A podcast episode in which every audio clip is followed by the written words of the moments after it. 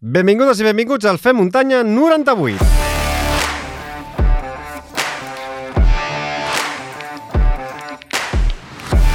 Comença Fem Muntanya, el programa de l'esport outdoor en català.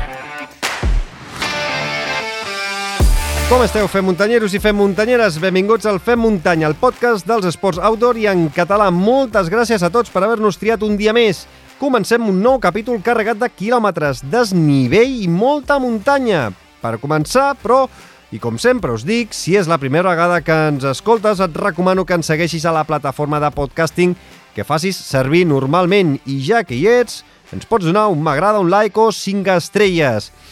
Abans de començar, però, vull felicitar a un company del podcast, amic i un esportista com n'hi ha pocs, com és el gran Oriol Antolí, que aquesta mateixa setmana que publiquem aquest capítol 98 ha acabat desè a la final mundial de les Backyard Ultras a Tennessee als Estats Units d'Amèrica ha completat 89 voltes i a la norantena ha quedat eliminat per no arribar a temps.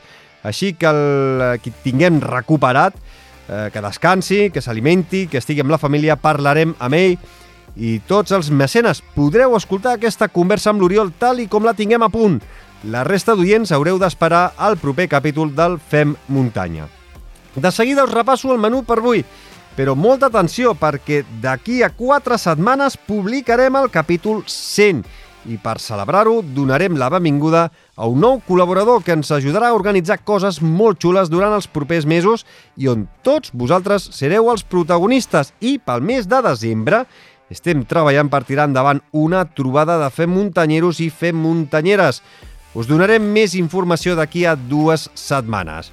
Avui, però, el que sí que tenim són dos inscripcions gratuïtes per la Neo Rural, que es correrà el proper 10 de desembre a Santa Maria de Martorelles, un dorsal per a un fem muntanyero i un altre dorsal per a una fem muntanyera.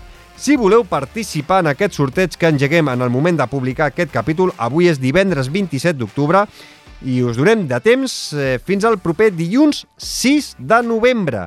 Com sempre, cal que sigueu mecenes del podcast perquè només els mecenes podreu escoltar l'àudio exclusiu on explico el que cal fer per participar. Us animo a que ens doneu el vostre suport per tan sols 1 euro amb 99 cèntims al mes i com mecenes, a més a més eh, de poder participar en aquests sortejos, escoltareu converses abans no es publiquen els capítols i, evidentment, ens ajudareu a tirar endavant aquest podcast, aquest projecte. Sense vosaltres, sempre ho dic, seria totalment impossible, totalment inviable. Si us animeu a entrar a la família Premium, teniu l'enllaç a les notes del capítol. Tots els mecenes ja podeu escoltar, per cert, un àudio exclusiu on explico el que s'ha de fer per participar en aquest sorteig de dorsals. Si no sou Premium, si no sou eh, mecenes eh, i us voleu inscriure a la Neo Rural, aneu a la seva web, laneorural.com. Ara sí, dit això, us repasso el menú d'un capítol que m'aventuro a dir que quedarà una mica llarguet. Així que no teniu excusa per sortir i fer una bona tirada si el voleu escoltar sencer d'una tacada. Començarem parlant amb el David Ariño, un dels fotògrafs que ha acompanyat el Kilian Jornet en la seva darrera aventura de coronar 177 cims de més de 3.000 metres del Pirineu. Coneixerem, per exemple, com eh, s'ho ha fet per seguir a l'extraterrestre del Kilian i poder immortalitzar imatges espectaculars. Avui la cosa va de reptes, també perquè tindrem una conversa amb el sabadellenc Joan Monràs, que ha completat el repte de fer un Everesting a la Mola al Parc Natural de Sant Llorenç del Munt, és a dir, eh, això de l'Everesting, eh, sumar 8.849 metres pujant i baixant fins a 21 vegades la mola pel camí dels monjos. Més cosetes per aquest eh, capítol 98 i que us hem eh, preparat. És eh, un reportatge que ha preparat l'Albert Torrent eh, sobre el trail del Bisaure. Sabrem com es va gestar aquesta cursa, que ja és un referent a casa nostra, i escoltarem l'opinió d'un quants eh, de vosaltres eh, que ens heu enviat notes de veu a través de la comunitat a Telegram. I, com no, tindrem dosis literària amb l'escriptor i periodista Marc Cornet i també passarem per la consulta del nostre coach esportiu, en Guillem Marchal. De seguida saludem el David Tariño, però primer deixeu-me que us faci una recomanació. Si encara no teniu plans pels propers 1, 2 i 3 de desembre, us recomano que viatgeu fins a Eivissa per participar a la 3 dies Trail Ibiza. Encara sou a temps de participar a la millor prova de l'Illa Blanca, en la que gaudireu de natura, salvatge, història i unes vistes espectaculars. Podeu triar el número d'etapes i la distància que vulgueu fer en el segon dia. Eh? Podeu triar entre la ultra, la marató, la mitja i curses més curtetes. Així que us podreu muntar la vostra pròpia experiència. A més, podreu triar pack amb hotel a preus molt reduïts. Si us inscriviu a la seva web i a l'hora de pagar feu servir el codi FEM Muntanya, us descomptaran un 5% del preu final. Així que no us ho perdeu i deixeu-vos sorprendre per l'illa d'Ibissa i gaudiu de la natura. Nosaltres us esperem a la nostra gran comunitat Fem Muntanyera a Telegram. També ens trobareu a Twitter i a Instagram, també com a arroba Fem Muntanya. Si voleu recuperar qualsevol capítol o trobar informació, teniu la nostra pàgina web femmuntanya.cat i si ens voleu enviar dubtes sobre nutrició, entrenament, material, podologia o qualsevol altre tema, eh, teniu el nostre correu electrònic femmuntanya arroba femmuntanya.cat. I ara sí, feta aquesta introducció de rigor, nosaltres ja ho tenim tot a punt, així que ens lliguem les sabatilles i sortim a fer muntanya. Subscriu-te al podcast de Fem Muntanya.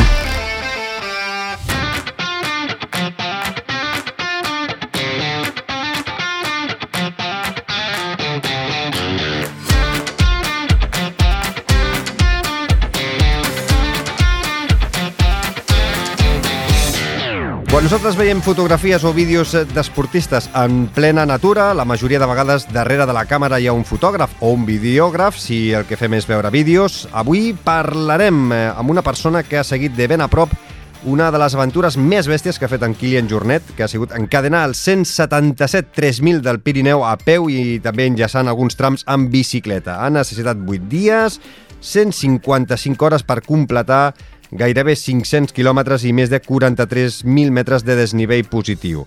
En David Ariño li ha fet un seguiment i gràcies a ell hem pogut veure imatges impressionants tant a les xarxes socials del mateix Kilian com també a les xarxes socials de Normal. David Ariño, benvingut al Fem Muntanya.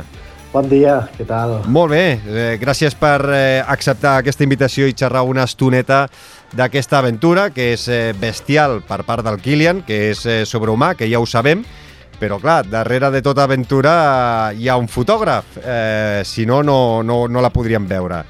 Ara en parlarem de tota aquesta aventura, però David, escolta, primer de tot, eh, t'han trucat més del compte per entrevistar-te a partir de, de seguir el Kilian pel, pel tot el Pirineu aragonès i català? Bueno, primer de tot, gràcies a vosaltres.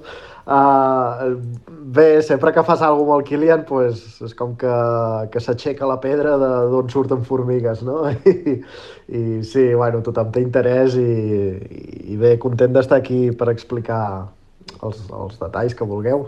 Ara, ara en parlarem, però és clar, eh, per eh, seguir l'estela del Kilian, eh, m'imagino que darrere hi ha un esportista eh, i a part a part, evidentment, eh, un gran fotògraf. Eh, com, com, com comença la teva aventura amb la fotografia i, i, i l'esport? Bueno, això d'esportista de, no, faig el que puc, faig el que puc i moltes vegades per, per, per seguir com, com és el Kilian en aquest cas és més una qüestió de, de preparació i de ser una persona àgil a la muntanya que no intentar seguir-lo, perquè intentar seguir-lo és impossible. I, i bueno, més tard en parlarem. Però això, la meva història amb la fotografia va començar en una època que jo vivia a Chamonix, i va, va ser com un any sabàtic que em vaig prendre perquè no sabia cap on encarar la meva vida i, i aquest any vivint allà a Chamonix va ser quan, quan vaig veure clar que el, que el tema de la fotografia eh, m'apassionava i, i sobretot la fotografia lligada a la muntanya. I tu ja eres fotògraf quan vas anar a Chamonix o no? No, no, jo, mira, abans d'aquest any d'anar a viure a Chamonix, jo era pagès, treballava en una vinya i, bueno, però pagès sense ser, ser el jefe, aquests, és a dir, el, el que, que cobra poc i el que, els que cobra poc i el que treballa molt.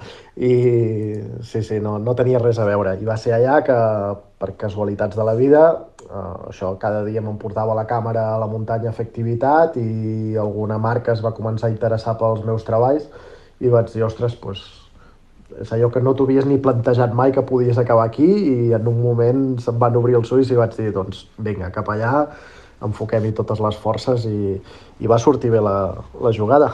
I amb quina càmera vas començar a treballar? Te'n recordes? Sí, vaig començar amb una càmera molt senzilleta, una Canon 550D, crec que es deia, mm, que crec que en aquells moments sí. potser valia 300 euros la càmera, vull dir, no, no, era, cap, no era cap cosa de l'altre món, però, però bueno, I avui... va més les, ganes, I avui... les ganes que l'equip. I, I avui quantes en tens? Uh, pues bona pregunta. Bona pregunta, n'hi ha unes quantes aquí a l'estudi. Uh, amb les que treballo habitualment són dues, són dues i llavors en tinc alguna més eh, per, no sé, a vegades fem coses amb, amb més gent o, o coses més concretes on cal alguna cosa concreta, però principalment treballo amb dos, amb dos càmeres. I objectius ja ni t'explico, no? Quants deus tenir per, per, per l'estudi? Sí, no, no et pensis, no? eh? Em sembla que tinc més, més càmeres que objectius. Al final, uh, jo sempre dic que, que lo important de, de la càmera és l'objectiu i en aquest sentit sempre sóc partidari de tenir pocs objectius però bons que no tenir-ne molts i, i que no em portin en lloc i sí, potser tinc menys, menys objectius que càmeres, eh? Ja, ara una pregunta potser tècnica i suposo que dels que ens escolten eh, hi haurà molta gent que no li interessa però sempre hi ha algú que li agrada la fotografia eh? Eh, quin és l'objectiu que, que més t'agrada, el que més utilitzes eh, el, que, el que sempre portes eh, acoplat a, a la teva càmera? Al final eh, gairebé sempre treballo amb un 24-70 que crec que dona la polivalència suficient per, per fer-ho tot, anar tot arreu quan vas així de batalla. I després un altre que m'agrada molt és un 30, un 30 fixe que tinc, que aquest al ser molt petit i molt lleuger em va molt bé per fer coses com les que he fet aquesta setmana, de que, que has de fer moltes hores a la muntanya i t'interessa portar el, el mínim pes possible. I potser amb aquests dos objectius ho podria fer pràcticament tot. Uh -huh. eh, a part de, de fer reptes i, i coses per marques, eh, també et truquen de, de curses per eh, fotografiar a tots els corredors o diguéssim que eh, ets més d'anar a una cursa perquè una, una marca o un corredor en si et contracta només per fer-li un reportatge? Uh, l'he fet, aquest tipus de fotografia l'he fet, l'únic que ara fa temps que no el faig. Uh, bueno, per mi, per sort, uh, em, em truquen més per, aquest, per aquestes altres característiques que deies i, i és on em sento més còmode treballant i ara mateix estic molt content fent això. Mm. Eh, també fas altres tipus de fotografia a part d'estar de, de, tu a la muntanya, és a dir, doncs, no sé, eh, fotografia d'estudi, fotografia de producte, fotografia de paisatge, o, o ets més d'estar tu en contacte amb l'esportista a l'aire lliure, no, més, eh, no, tancat, no tan tancat en un estudi? Sí, no, no les faig, aquestes altres tipus de, de fotos. Mm, faig això, uh, tema esportiu, curses i, com deia la meva iaia, quien mucho abarca, poco aprieta. I, I això, he intentat doncs, especialitzar-me en això i, i no fer les altres modalitats, diguéssim.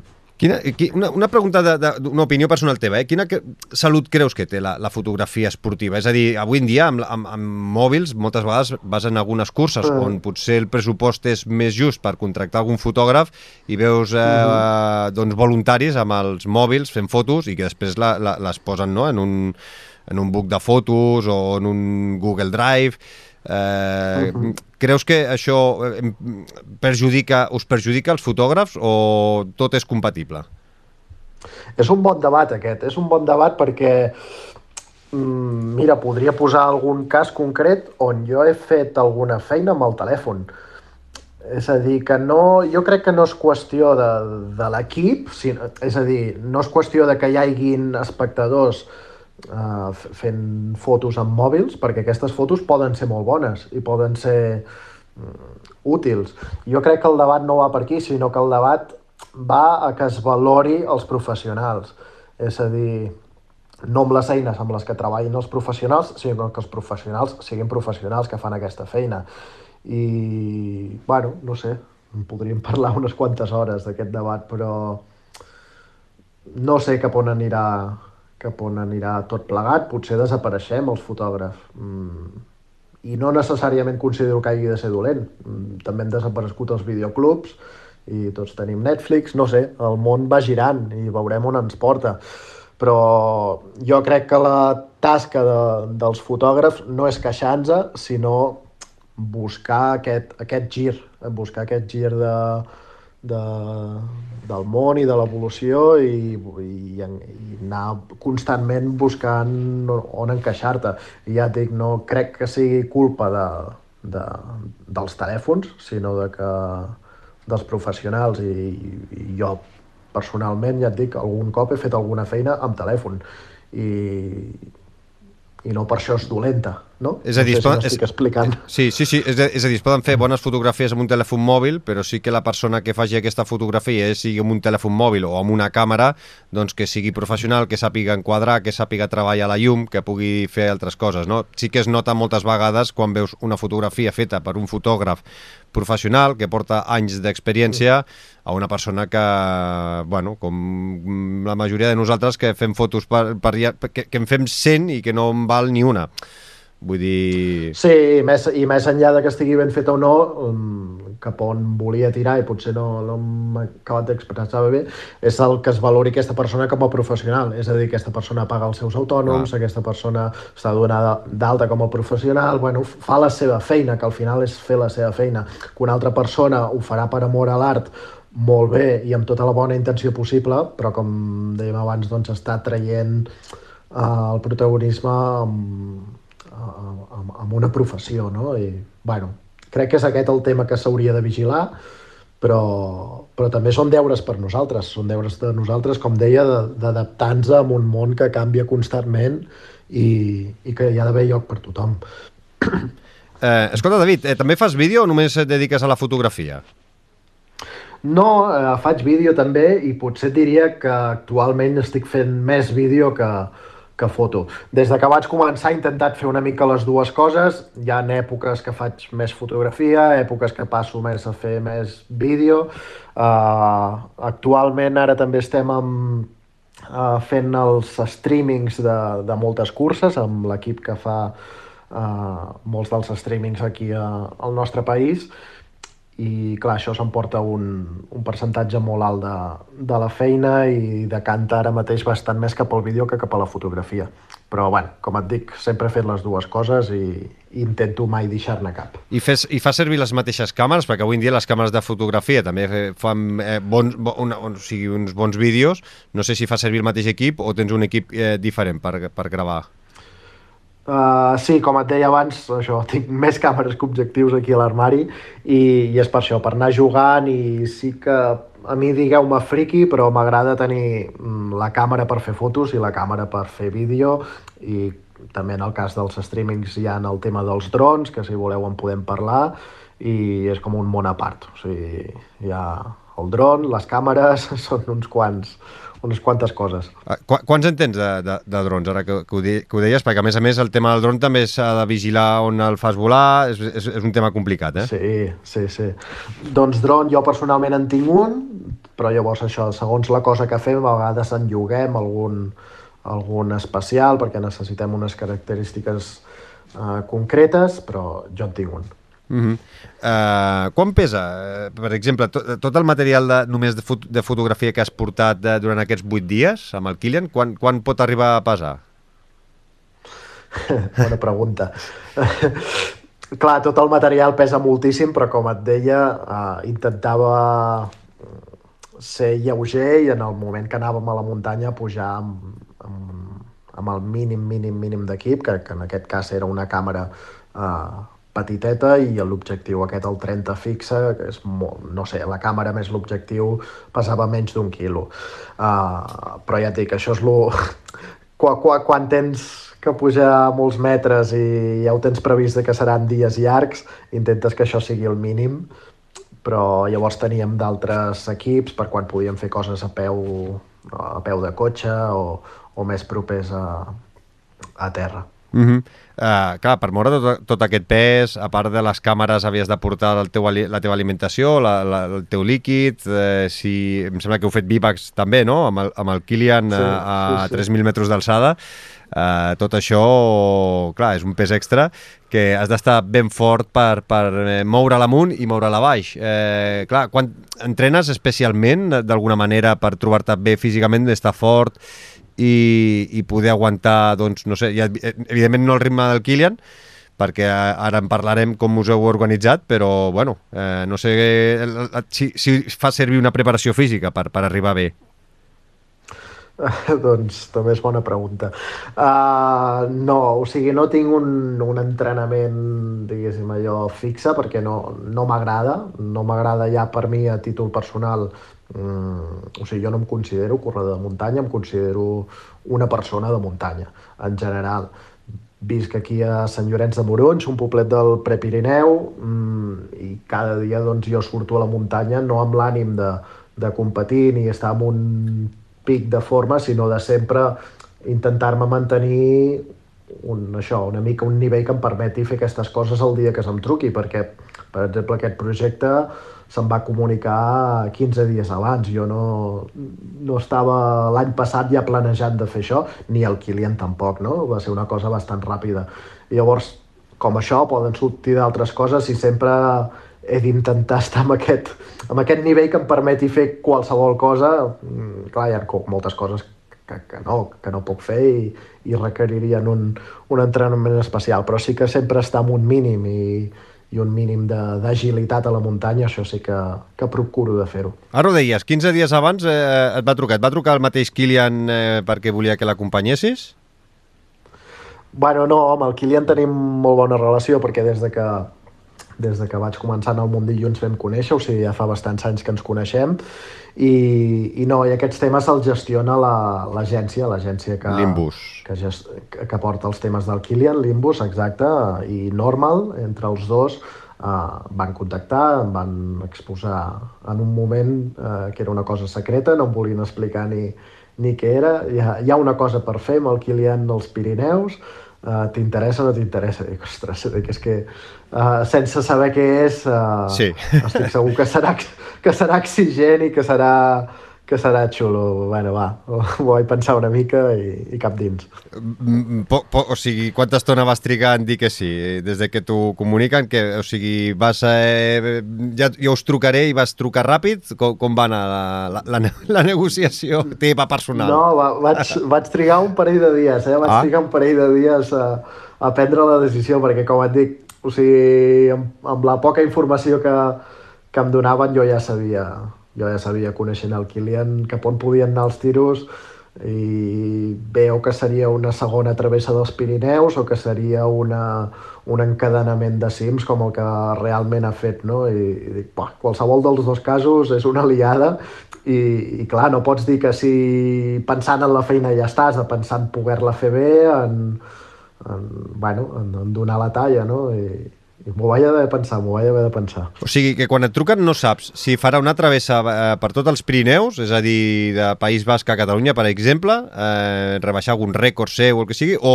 o encadenar cims. O sigui, no, no, no, no tenia gaire clar encara què és el que volia fer.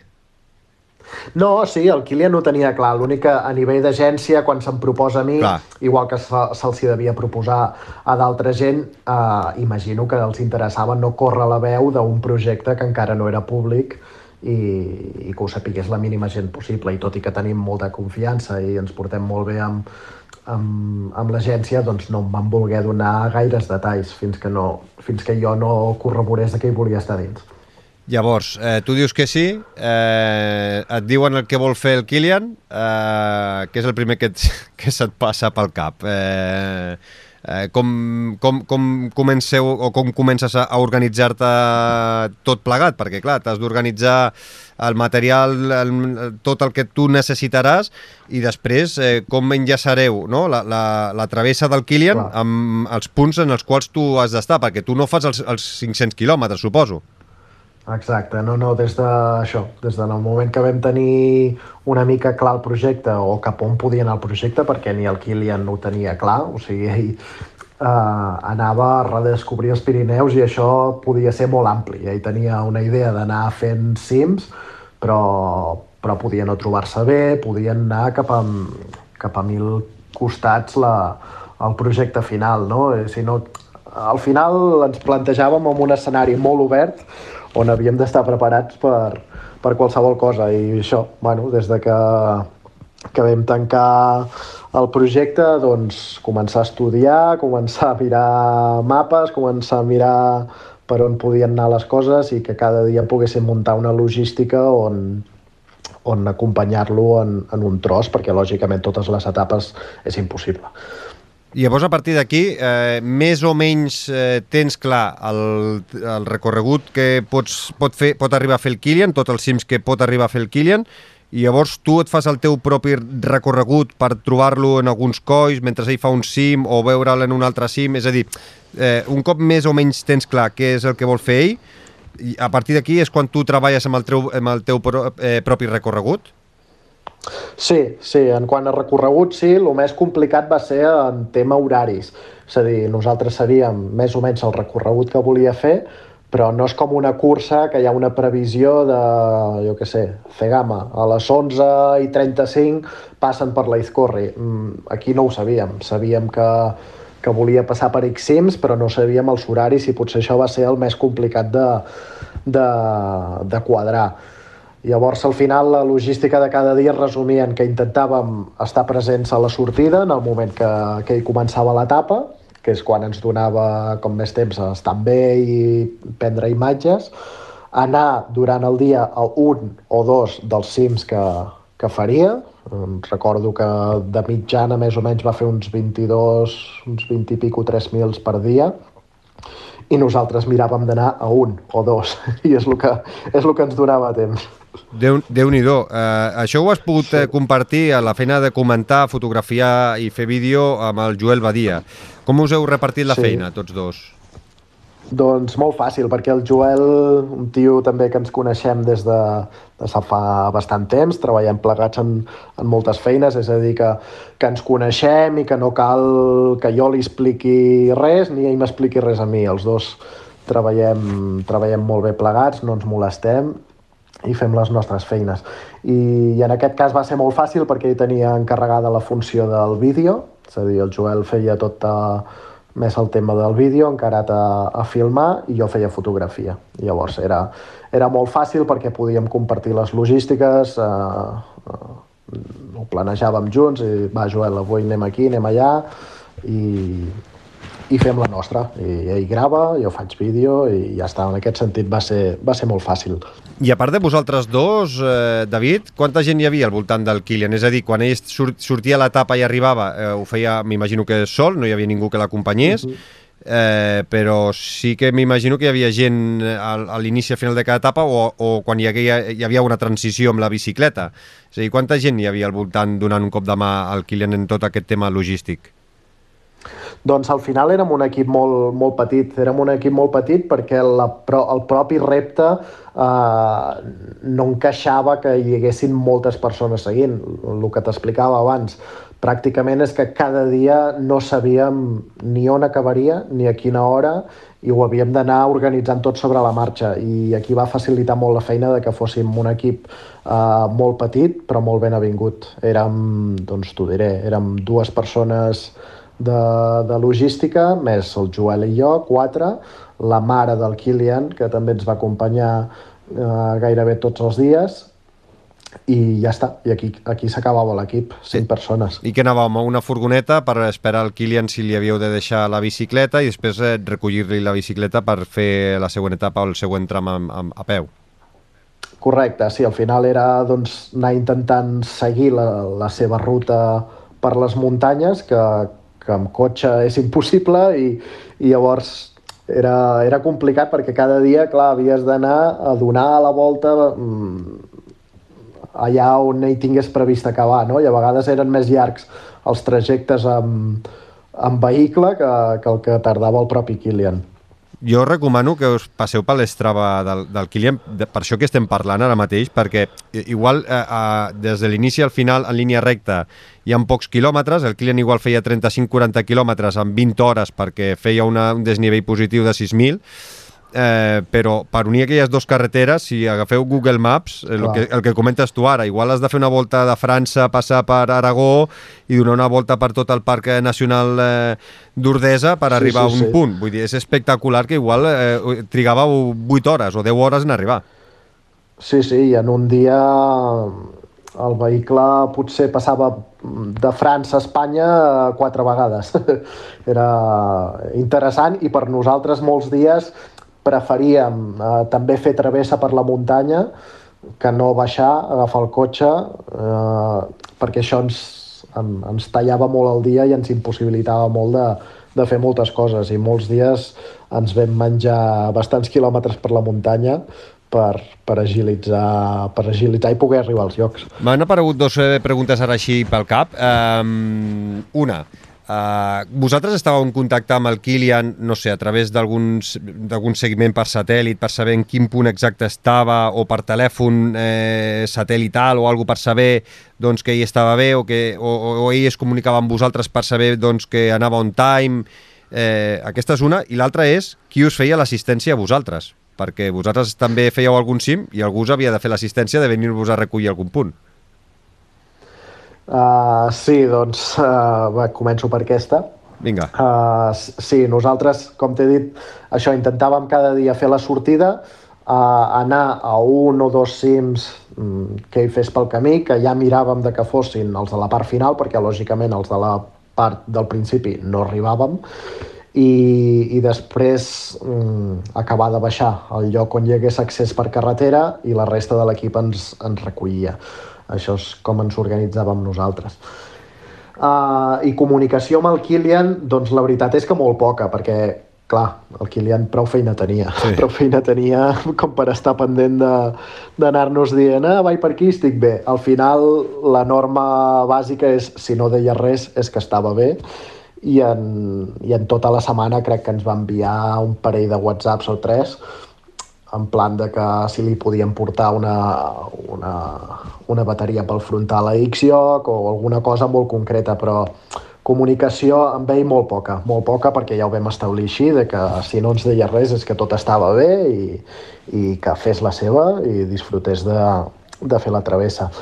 I per veure on passava, sí, sí teníem, teníem informació satelital d'on estava en tot moment, tot i que en algun punt fallava una mica o a vegades veies que es quedava quiet en algun lloc es quedava congelada la imatge i ja començaves a, a patir però, però no, va anar tot bé i, i aquesta informació ens va anar molt bé per poder-lo mig acompanyar. Perquè una de les essències del Kilian era fer-ho per lliure, com, com si gairebé no tingués assistència, no? És a dir, fer-ho uh, de la forma més eh, natural possible. Sí, sí, sí, i això ho admiro molt i, i em va agradar molt el, el fet romàntic de, de dir surto de, d'aquest lloc d'inici i fins a la pica d'estats, que és el lloc on acaba, mhm. -huh. ell, no es va, ell no es va pujar cap moment en cap vehicle. És a dir, tot ho va fer o corrent o amb la bicicleta. Sí que és veritat que la bicicleta se li va anar portant als llocs, no? però, però ell no va pujar en cap vehicle en cap moment per, per fer cap, part del recorregut i això ho trobo ho trobo molt xulo i molt, una manera molt romàntica d'enllaçar de, tota la travessa que va fer, que és impressionant. D'aquests gairebé 500 quilòmetres que, que hi ha fet, i d'aquests 177 eh, 3.000 del Pirineu, quants eh, quilòmetres has fet tu i quants cims has eh, coronat? Doncs mira, amb quilòmetres no, no ho hem calculat, no, no ho he calculat, hauria d'obrir els estraves i començar-ho a, a comptar, cosa que em fa bastanta mal. Però, però, però el cim sí que em va fer gràcia, em vaig fer 10. Vam fer números rodons i nosaltres vam fer 10 3.000. déu nhi No, bueno, molt ridícul, al seu costat, molt ridícul. Però, però bueno, amb la, amb la càmera inclosa a sobre, vull dir que... Ell també, el Kilian també va fer fotografies, no? Eh, o sigui, no totes les va fer, eh, les vau fer vosaltres. Algunes de les que ell ha pogut penjar també les ha fet ell eh, arribant a alguna cresta, perquè en la seva Sí, Strava sí, també sí. ha penjat fotografies que penses, home, aquestes, eh, si les heu fet vosaltres, eh, el mèrit és eh, per fer-vos un monument a vosaltres. Sí, el que, lo que parlàvem abans del debat dels aficionats fent fotos amb el mòbil, doncs aquí amb el Kilian tens un clar exemple. Bueno, però bueno, ell, Ah. ell quan està a Noruega també fot fotografies de collons, eh? Clar, clar que sí, i és el, i és el que sempre agrada. jo, jo dic, que no, a vegades no és el fotògraf ni l'equip ni tal, sinó el lloc, el, el ser capaç d'estar uh, bueno, pels llocs per on ell va passar i tindre la sang freda de, de treure el telèfon i fer un mòbil i fer una foto, això és el- això és l'important. Eh, aquests vuit dies, eh, el Kilian on ha dormit i, i vosaltres on heu descansat? Doncs on hem pogut, on hem pogut tots, perquè, co, com dèiem, el més complicat de tot era els horaris. Era els horaris. Ell sabia, bueno, cada dia quan es llevava sortia, però hi havia dies que feia una activitat de 15 hores, hi havia un dia que la feia de 24, un dia la va arribar a fer de 36 o 38. Sí, sí, una, una, una animalada. Un, una bestiesa que va empalmar dues nits i, clar, i en aquest, en aquest context és molt complicat mm, tenir una logística d'hotels, cada dia dormim aquí, dormim aquí, dormim aquí. I això va ser totalment impossible i ja des del dia 1 vam sortir amb el xip de, bueno, cada dia ja veurem. Si al migdia més o menys nosaltres ens podíem fer la previsió d'on acabaríem, si podíem agafar algun hotel o algun Airbnb o, o alguna cosa, eh, la resta de l'equip logístic ens, ens se l'agafava i ens esperaven allà, i si no, doncs sempre teníem el sac i la màrfaga preparada des d'allà a la furgoneta i, i al final fèiem vivac allà a sota les rodes del cotxe. Ho dèiem fa una estona, també heu fet vivac per això a 3.000 metres, no? Sí, sí, sí, perquè algun dia, mm, l'ho dit, la logística de l'etapa i, i el programa ens feia... Clar, el Kilian passarà per el cim que teníem pensat a les 5 del matí. Què fem? Ens llevem a les 2 del matí i comencem a, a caminar o ja hi anem el dia abans i, i ens quedem a dormir allà i l'esperem allà, més còmode. I algun dia ho vam fer, ho vam fer així. Bueno, còmode no, però l'aventura que us vau emportar i les vistes de veure sortir el sol, això sí que us ho emporteu.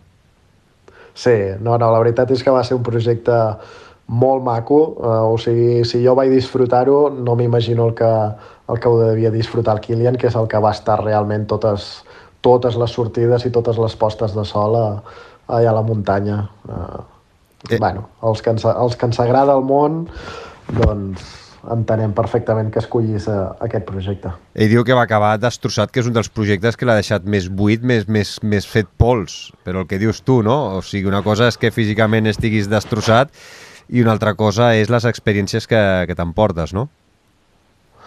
Sí, jo em quedo, jo em quedo amb una imatge que, que ha corregut també en alguna notícia o ha sortit en algun lloc, des, que és la, uh, la imatge del Kilian arribant a la pica d'estats al, al final de tot el projecte, plorant, abraçant-se amb la seva mare, i, i l'ho dit, potser jo fa uns 10-12 anys que conec el Kilian, he estat, he estat fotografiant-lo en molts podis, en, guanyant campionats del món d'esquí de muntanya, UTMB, mil curses, i no l'he vist mai deixar una sola llàgrima. És una persona... Els que el coneixen que li costa expressar-se. I, ostres, veure'l allà emocionat a la muntanya et dones, et dones compte de, de la magnitud de, del que ha hagut de ser aquest projecte per ell. Saps si, eh, eh, no sé si ho, eh, ho has pogut parlar amb ell, eh, perquè amb la lesió que, que ha anat arrastrant aquests darrers mesos, que no li ha permès fer doncs, les curses que ell tenia pensat, doncs no sé si físicament doncs, com, com ha arribat, és a dir, no sé si ho has arribat a parlar amb ell o no, eh, de, de, de, del fet de si ho ha preparat molt a consciència, s'ha volgut una miqueta redimir de totes les lesions que ha anat arrastrant i posar-se a prova, perquè clar, Kilian ja ho sabem, ho hem escoltat ho he, i ell mateix ho ha explicat en molts documentals, no? que li agrada autodestruir-se en aquest sentit, doncs no sé si una, tenia ganes de provar-se, no? també el seu cos al límit després de passar una, una lesió que l'ha arrastrat durant molts mesos, des de que va anar al Nepal, si no recordo malament, doncs eh, ha volgut provar-se a veure com, com estava.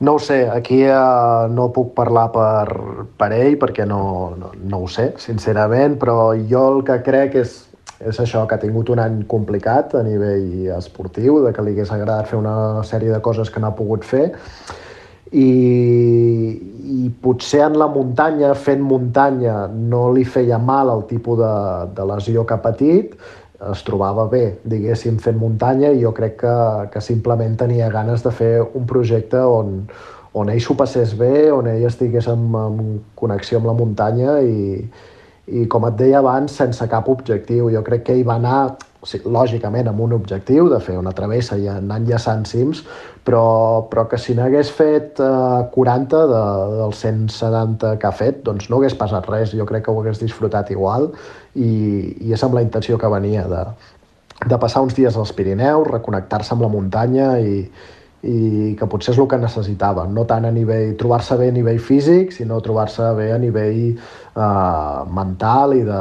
i de connexió amb, amb els Pirineus.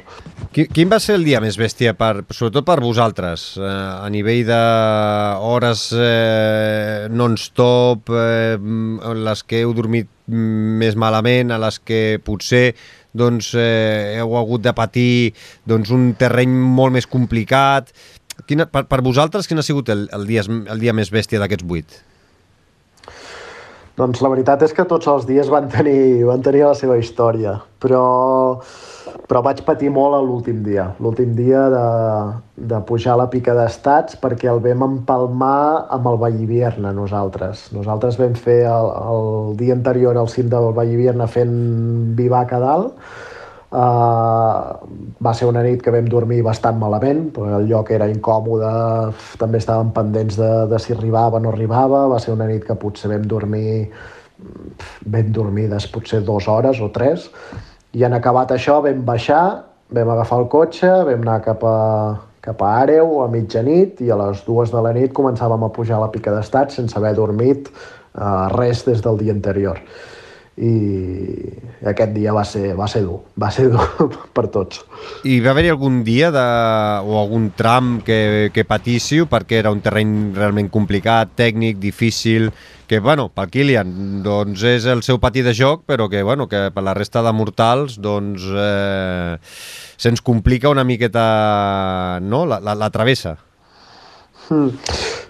No, la veritat és que no. Tècnicament vam estar a gust, entre cometes, a, a tot arreu, i també aquí entra la part que, que comentava abans. Mm, potser no és tant un entrenament físic el que mirem de, de fer i tenir per cobrir aquestes coses, sinó un, un entrenament tècnic, de que siguem persones àgils a la muntanya i, i en aquest aspecte crec que vam fer bé la feina i ens vam sentir còmodes a, a tot arreu. Sí que és veritat que potser ens hi sentíem còmodes, però en el moment que passava el Kilian i l'intentaves seguir 10 minuts, dius, vale, això no està fet per mi. O sigui, jo aquí estic còmode, però al ritme del Kilian no puc anar. I, i això ens va passar un parell de dies que, que vam dir, amb perdó, eh, però la mare que l'ha parit, aquest tio, com o, o, o sigui, per aquí.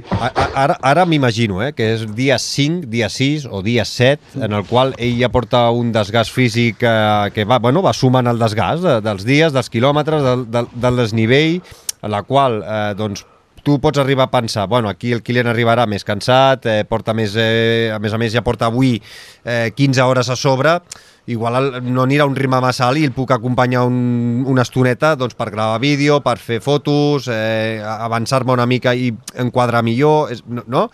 I, i, i, i veus que va a una velocitat, no? va tan ràpid que, que us costa fer la vostra feina també, no? Sí, sí, aquesta és la teoria, el que dius tu, no? Passarà per aquí destruït, l'acompanyaré mitja hora una hora, podrem fer o enllaçar un parell de cims amb ell i després la realitat t'ensenya que, que, que és el millor corredor del món per alguna cosa, no? I, i que no tens res a fer.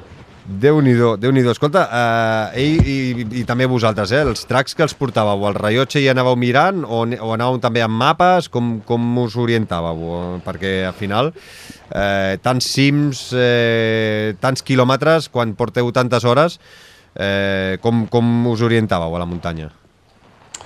Sí, uh, aquí també entra la història de que, de que tant el Joel com jo coneixem bastant els Pirineus uh -huh. i, i, so, i són zones que, que, bueno, com que també teníem la llibertat per, per poder-lo anar a buscar, el, els, fer-nos nosaltres la logística, diguéssim, uh, sempre escollíem les zones que coneixíem millor i que, i que teníem més, més marge de maniobra per, per, bueno, per fer-ho bé i per dir, ah, doncs retallem per aquí, retallem per allà, perquè són zones que, que coneixem bé, no? I, I en aquest aspecte vam estar també bastant tranquils. Quantes fotografies has arribat a fer en aquests vuit dies, eh, David? Buf, doncs... Les, les has comptat? Les has pogut passar no. totes a l'ordinador i dir, pues mira, n'he fet 2.000 o, o... Sí, totes estan passades, però la veritat és que no m'he quedat amb la xifra que he fet, però les 2.000 es passen de llarg, eh? Sí, sí. I, I les tens totes tu o, o les has passat totes, diguéssim, a, a l'Imbus perquè les treballin com vulguin a l'hora de, les, de compartir xarxes o, o fer el que ells creguin que han de fer? Sí, no, la veritat és que eh, ho teníem tot molt ben organitzat i hi havia una sèrie de, de fotografies concretes que, que cada dia volien i ja les vam fent arribant eh, dia a dia i després mm, la resta de les fotos, quan ens les hem pogut mirar bé, les he treballat bé, els he enviat i igualment tots els bruts també els tenen ells per si mai, per si mai necessiten qualsevol cosa d'aquesta setmana. Quantes hores pots arribar-te a passar a editant eh, les fotografies, és a dir, visionant totes les que has fet, veure les que són més, eh, les que tenen una, un potencial, les que pots editar i que quedin diferents, és a dir, qu quantes hores o quants dies, perquè no crec que això no es treballem hores, mm. quants dies pots eh, necessitar per eh, dir, doncs mira, tots aquests vuit dies de feina ja estan, eh, ja, ja he fet aquest, diguéssim, buc de fotos d'aquesta aventura, doncs quan, quan pots passar, quants dies pot, pot passar? No, tampoc tant, perquè és com et deia, pràcticament cada dia anàvem traient-nos de sobre la feina d'aquell dia i, i anàvem com entregant les fotos del dia i llavors a l'acabar la setmana tampoc, tampoc hi ha hagut molta feina perquè el gruix ja l'havíem anat fent dia a dia, saps? I, i ja va quedar, va quedar bastant enllestit. I saps si veurem algun documental doncs, tipus Path of Everest o Inside de, del Kilian Jornet o, o algun d'aquests, eh, saps? Eh, ja, ja, està, no, no sé si a tu t'ha arribat o no, que d'aquí uns mesos o d'aquí un temps doncs, eh, surti algun nou documental del Kilian d'aquesta aventura? Doncs no t'ho puc confirmar, no t'ho puc confirmar perquè a nivell de vídeo tampoc tinc tanta informació, però, però sé que hi ha molt, molt, molt material gravat i si es vol fer un documental segur que hi ha material per fer, per fer un documental molt xulo. Doncs tant de bo, eh? eh jo crec que sí, seria, sí, sí, ja, ara que ja fa un temps que no en veiem cap eh, i, i que és mm, documental que fa el Kilian documental que la gent doncs, veu i que té ganes de, de gaudir-lo, doncs eh, seria una, una bona idea. Uh, I vaig acabant. Uh, algun moment que recordis es, i que et quedis de, de tota aquesta aventura, David? Doncs molts, molts. La veritat és que, com ja ho he dit abans en algun moment, ho he disfrutat molt, ho hem disfrutat molt tot l'equip, el Kilian crec que també. I, i no sé, mm, ho vaig publicar en un post al meu Instagram sí. que que, que això, que al, al final la notícia i crec que amb el que es queda la gent és els cims que ha fet el Kilian, el desnivell que ha fet el Kilian i, i la borrada esportiva que ha fet el Kilian, no? Crec que és, que és amb el que es queda tothom, però jo em quedo amb, amb d'altres coses, amb, amb, bueno, amb el que crec que ha anat a, a buscar el Kilian, que és el reconnectar-se amb la natura, reconnectar-se amb els, amb els Pirineus i van haver moments molt macos, estan completament sols a la muntanya que només s'escoltaven els cèrvols bramar, eh, sortides de sol, bueno, mil moments molt macos que jo crec que a mi són els que em quedaran i el Kilian crec que també, que d'aquí uns anys no ens recordarem si van ser 117 o si van ser 170 eh, cims els que va fer, sinó aquests, tots aquests moments romàntics a la muntanya. I a nivell personal tens algun altre repte eh, doncs a curt, mig plaç, que ja diguis, escolta, doncs mira, d'aquí uns mesos eh, em tocarà anar a viatjar aquí i fer això? Bueno, per començar m'agradaria la setmana que ve poder-me aixecar del sofà sense, sense que em fes mal res. I després ja veurem, no sé. Mm, uh, jo sóc una persona que m'agrada molt l'esquí de muntanya, m'agraden molt els projectes amb la neu i espero que aquest hivern també surti algun, algun projecte així xulo per fer i, i disfrutar de, de l'hivern, que en tinc moltes ganes. Doncs, escolta, David Ariño, ha sigut tot un autèntic eh, plaer aquests minuts que hem pogut xerrar plegats, eh, què hi ha darrere d'un repte tan gran com, com aquest, perquè no és, eh, és totalment diferent. Eh, clar, al final, quan dius, escolta, has de seguir el Kilian a la, a la UTMB, saps el que hi ha, saps el recorregut, uh mhm. -huh. saps els timings, eh, o a Cegama, saps el que hi ha, però quan fas un repte d'aquest eh, tipus, eh, tan salvatge, tan natural, eh, doncs és eh, tan important, o com a mínim a nivell personal, m'interessa molt, evidentment, tot eh, a nivell esportiu el que hagi fet el Kilian, però què hi ha darrere d'aquest repte eh, ho trobo que eh, és més, no sé, és, és més espectacular de, de saber i no, i no es veu, perquè evidentment qui dispara la fotografia no surt mai a la foto i en aquest cas ets, eh, una de les persones ets, ets tu. Uh -huh. Moltíssimes gràcies per aquests minuts, eh, per la bona feina eh, uh -huh. i que qualsevol cosa estem en contacte i anem parlant aquí al Fem Muntanya. Una abraçada, cuida't, fins aviat. Mo molt bé, moltes gràcies. Gràcies a vosaltres per interessar-vos en la part de behind the scenes i, i això, molt bé, molt content i moltes gràcies.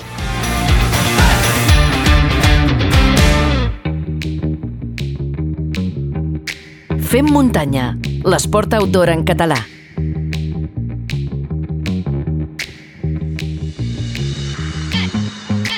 De seguida saludo el Joan Monràs, però abans permeteu-me que obri l'aparador del Fem Muntanya que tant ens ajuda a tirar aquest podcast endavant. Com ja sabeu, teniu diverses formes de donar-nos un cop de mà. La primera i la més directa és valorant-nos i fent-vos mecenes. Per tan sols un euro amb 99 cèntims al mes entrareu a la família de Fem Muntanyeros i Fem Muntanyeres Premium. A més a més d'ajudar-nos, també podreu escoltar converses abans que la resta d'oients i tindreu la possibilitat de participar a tots els sortejos que fem de manera regular. Tots els mecenes eh, tenen la possibilitat de participar en, aquest, en aquesta ocasió el sorteig d'una inscripció per a un corredor i una altra per a una corredora per la Neo Rural del proper 10 de desembre a Santa Maria de Martorelles. Escolteu l'àudio exclusiu on us explico el que heu de fer per participar.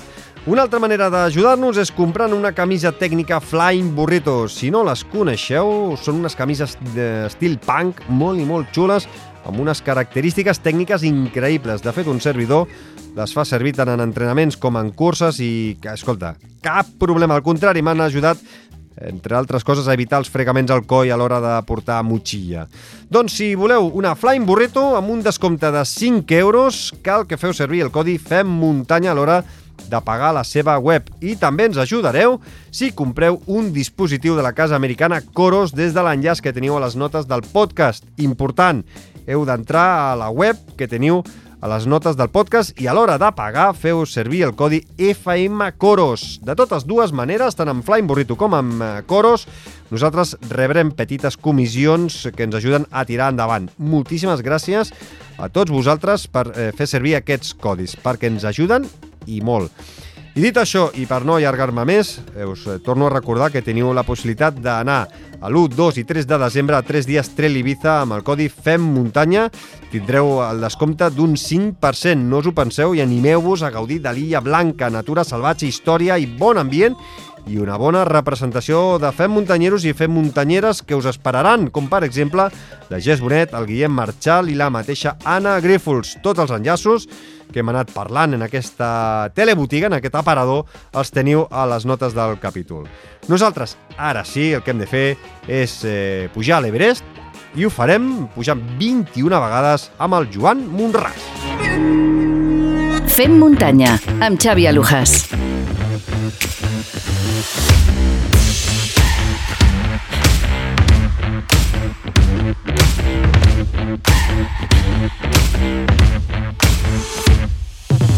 El passat divendres 20 d'octubre a les 5 de la tarda el sabadellenc Joan Monràs eh, va començar un repte personal que consistia, atenció, en pujar 21 vegades a la mola al Parc Natural de Sant Llorenç del Munt i l'Ubac per aconseguir sumar més de 8.849 metres, que és l'alçada que fa l'Everest. Ho va batejar com a Everesting Run Challenge a la mola.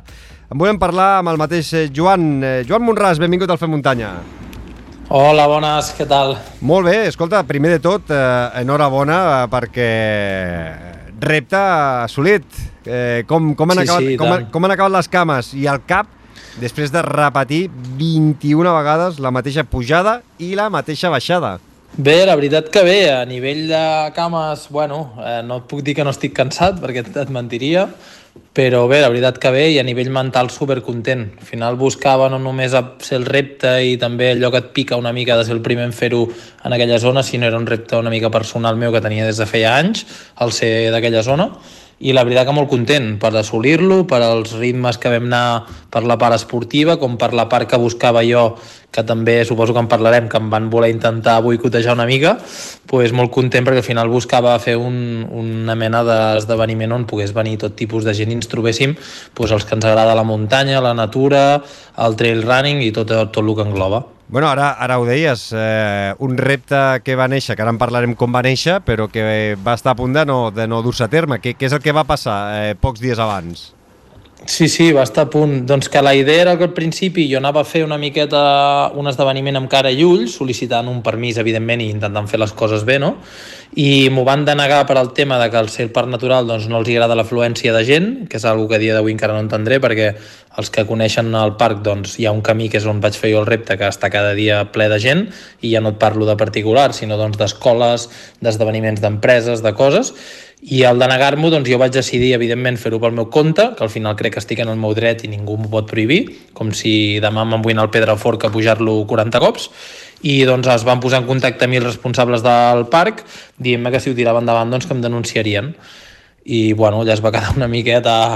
vaig quedar una miqueta així xof, mm, crec que el repte va haver-hi part de nervis el dia abans, que també no vaig dormir gaire per aquest tema, i al final doncs mira, vaig decidir de fer un comunicat, dir que si plau que no vingués la gent, que si algú venia doncs, que fos molt proper a mi i, i poca estona i, i al final doncs mira, jo sol amunt i avall 21 cops.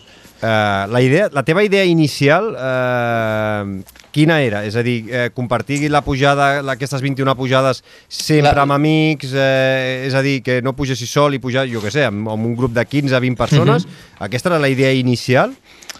Clar, la meva idea inicial era fer com una mena d'esdeveniment on al final fos com una miqueta una festa del trail, no? una carrera sense dorsal on, on pogués venir tothom. Al final entenc que quan fas un repte d'aquests que jo crec i la majoria de gent suposo que també, que és una animalada, jo entenc que en, les, en el total de les 21 pujades la gran majoria de gent que vingués, ja fos doncs, família, amics i tal, no són corredors de trail i per tant els ritmes que jo volia anar no m'haguessin seguit. Llavors de què buscava jo, que intentava?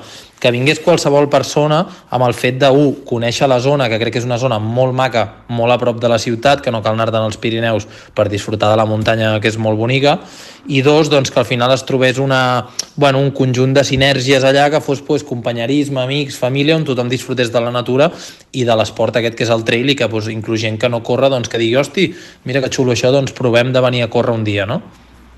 Costa una mica d'entendre que tu vulguis compartir aquestes pujades a, a, amb amics, no? I que uh. -huh. uh, no puguis compartir-ho amb 15 a 20 persones, perquè al final dubto molt, no sé com, com ho tenies tu al cap o com tenies tu els teus contactes, eh? però no crec que arri a, a, a, haguessis arribat a pujar pel, pel, a la mola a, cada vegada amb 200 persones, 300 persones.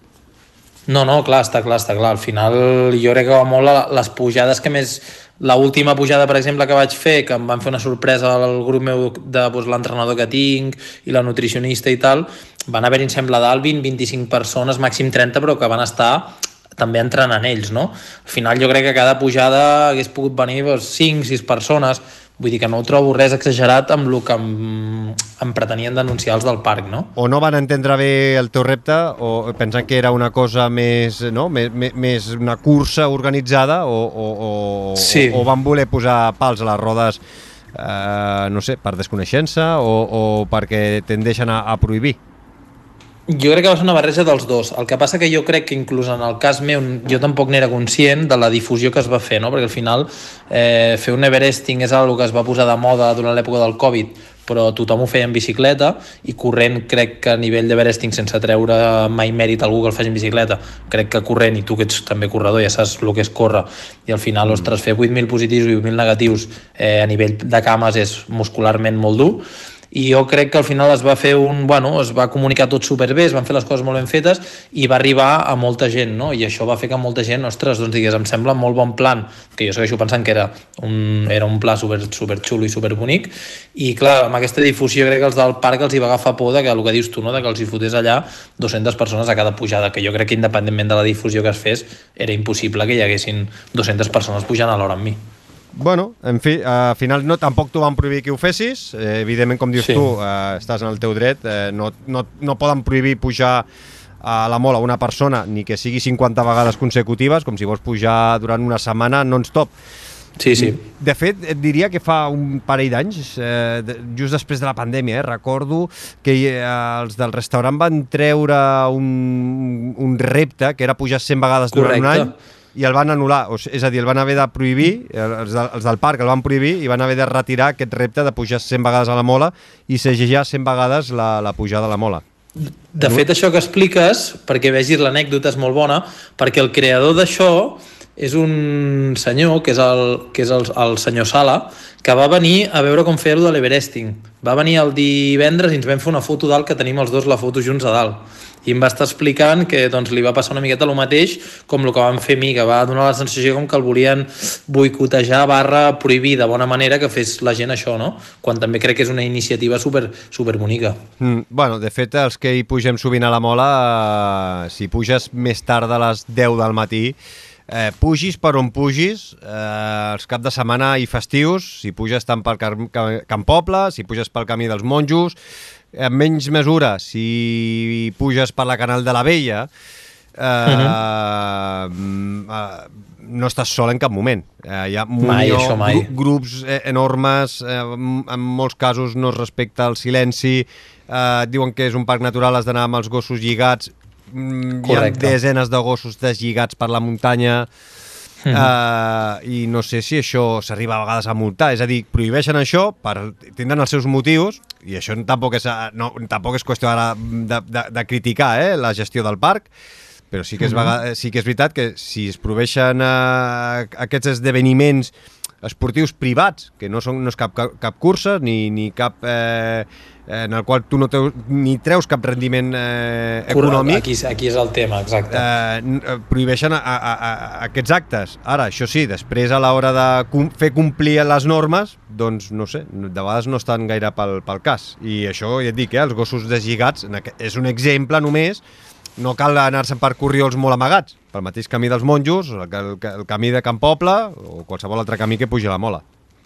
Sí, sí, això està clar. I a part, l'altre vessant més, més que em sorprèn més a mi és que al final, ostres, crec que em considero una persona que, ostres, fa, ja porto molt temps que em dedico a carreres de trail, a la muntanya, al alpinisme, a anar a la muntanya, havia treballat inclús de monitor d'esquí, i, i crec que no sóc una persona que busqui un, muntar una cosa on vagi a buscar l'objectiu de destrossar el parc, sinó tot el contrari. Per mi la mola és algo molt important, des de petit que hi pujo, et sorprendria la de camins que conec, que et diria que pràcticament els conec tots, i per mi és com una cosa que a mi m'interessa mantenir a nivell personal, no? Primer perquè és com allò que parlem del pati d'entrenament, mm -hmm. i segon perquè crec que és algo bonic pel, jo sóc, doncs, bueno, igual que els sabadellencs són molts sabadellencs, amb els de Terrassa no ens portem ja a la inversa, doncs jo també tinc, tinc una part de córrer a la part del parc natural que me l'estimo molt i per mi és super important i ojalà d'aquí 15 anys hi pugui anar amb els meus fills i que estigui igual, no? Llavors crec que jo en cap moment buscava el, el poder destruir el parc aquest, no?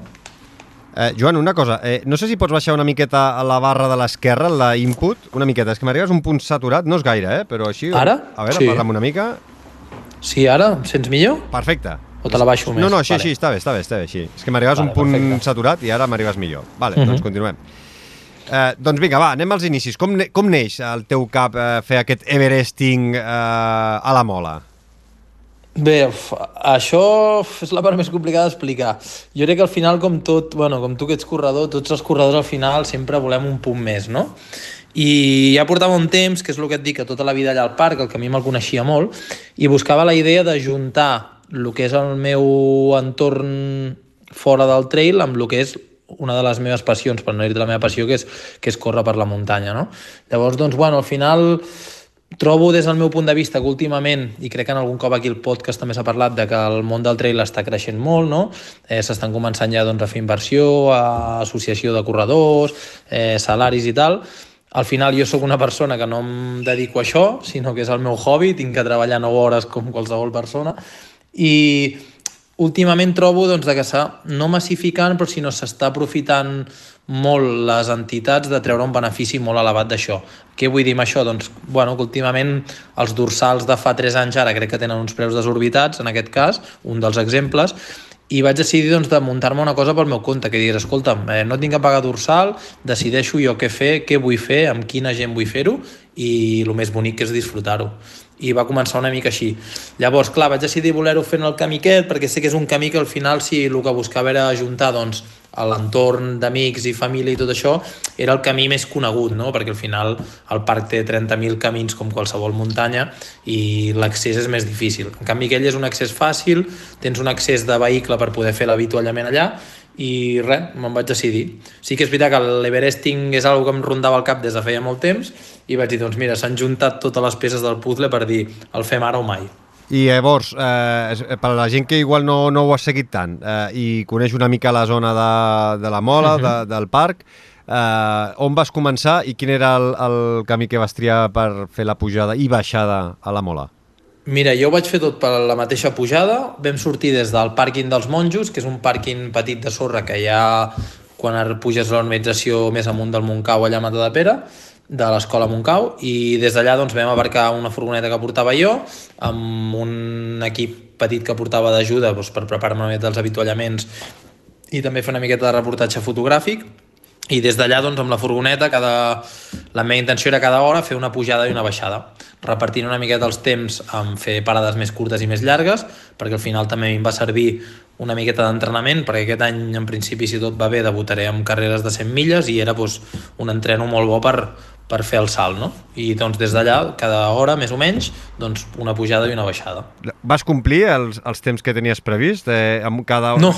Vas anar més ràpid, no? Sí. La, la veritat és que no, jo tenia planificat fer 21 hores i em van sortir 19-20.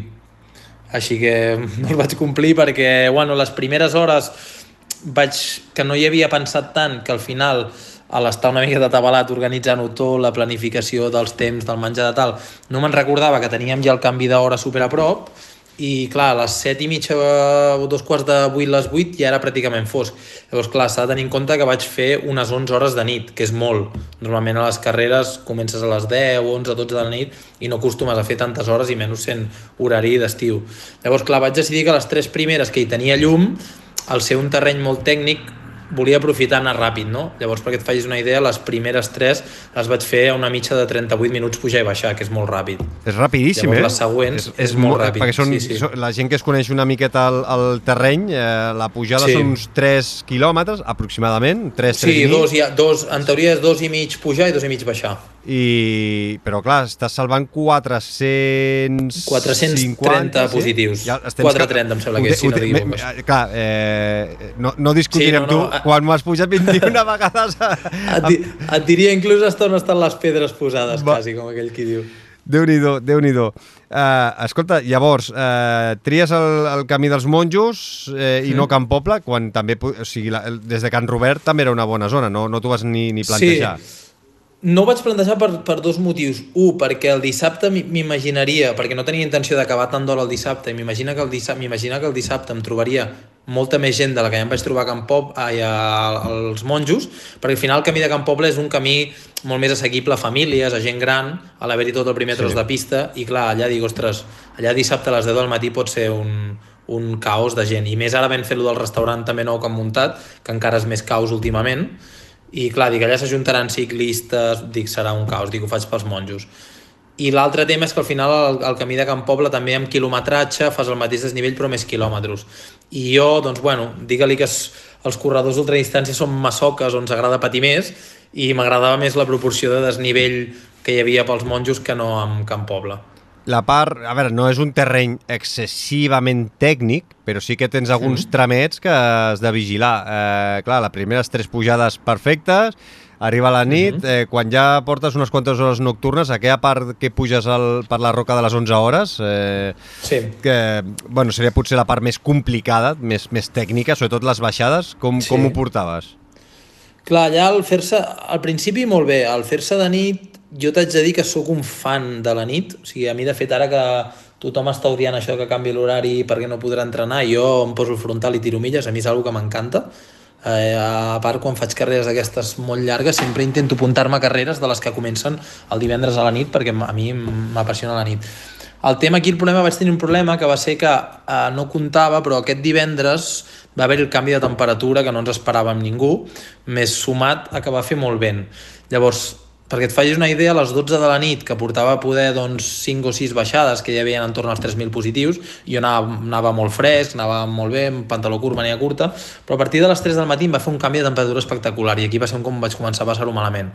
Perquè clar, això li sumes a que anava sol, em vaig tenir que abrigar amb tèrmica, paravent, guants, que la part de dalt de la mola és molt oberta i tocava molt el vent. Llavors, doncs, aquelles hores de 3-4 del matí fins a les 7 i alguna que no va sortir el sol van ser, van ser la veritat que molt dures.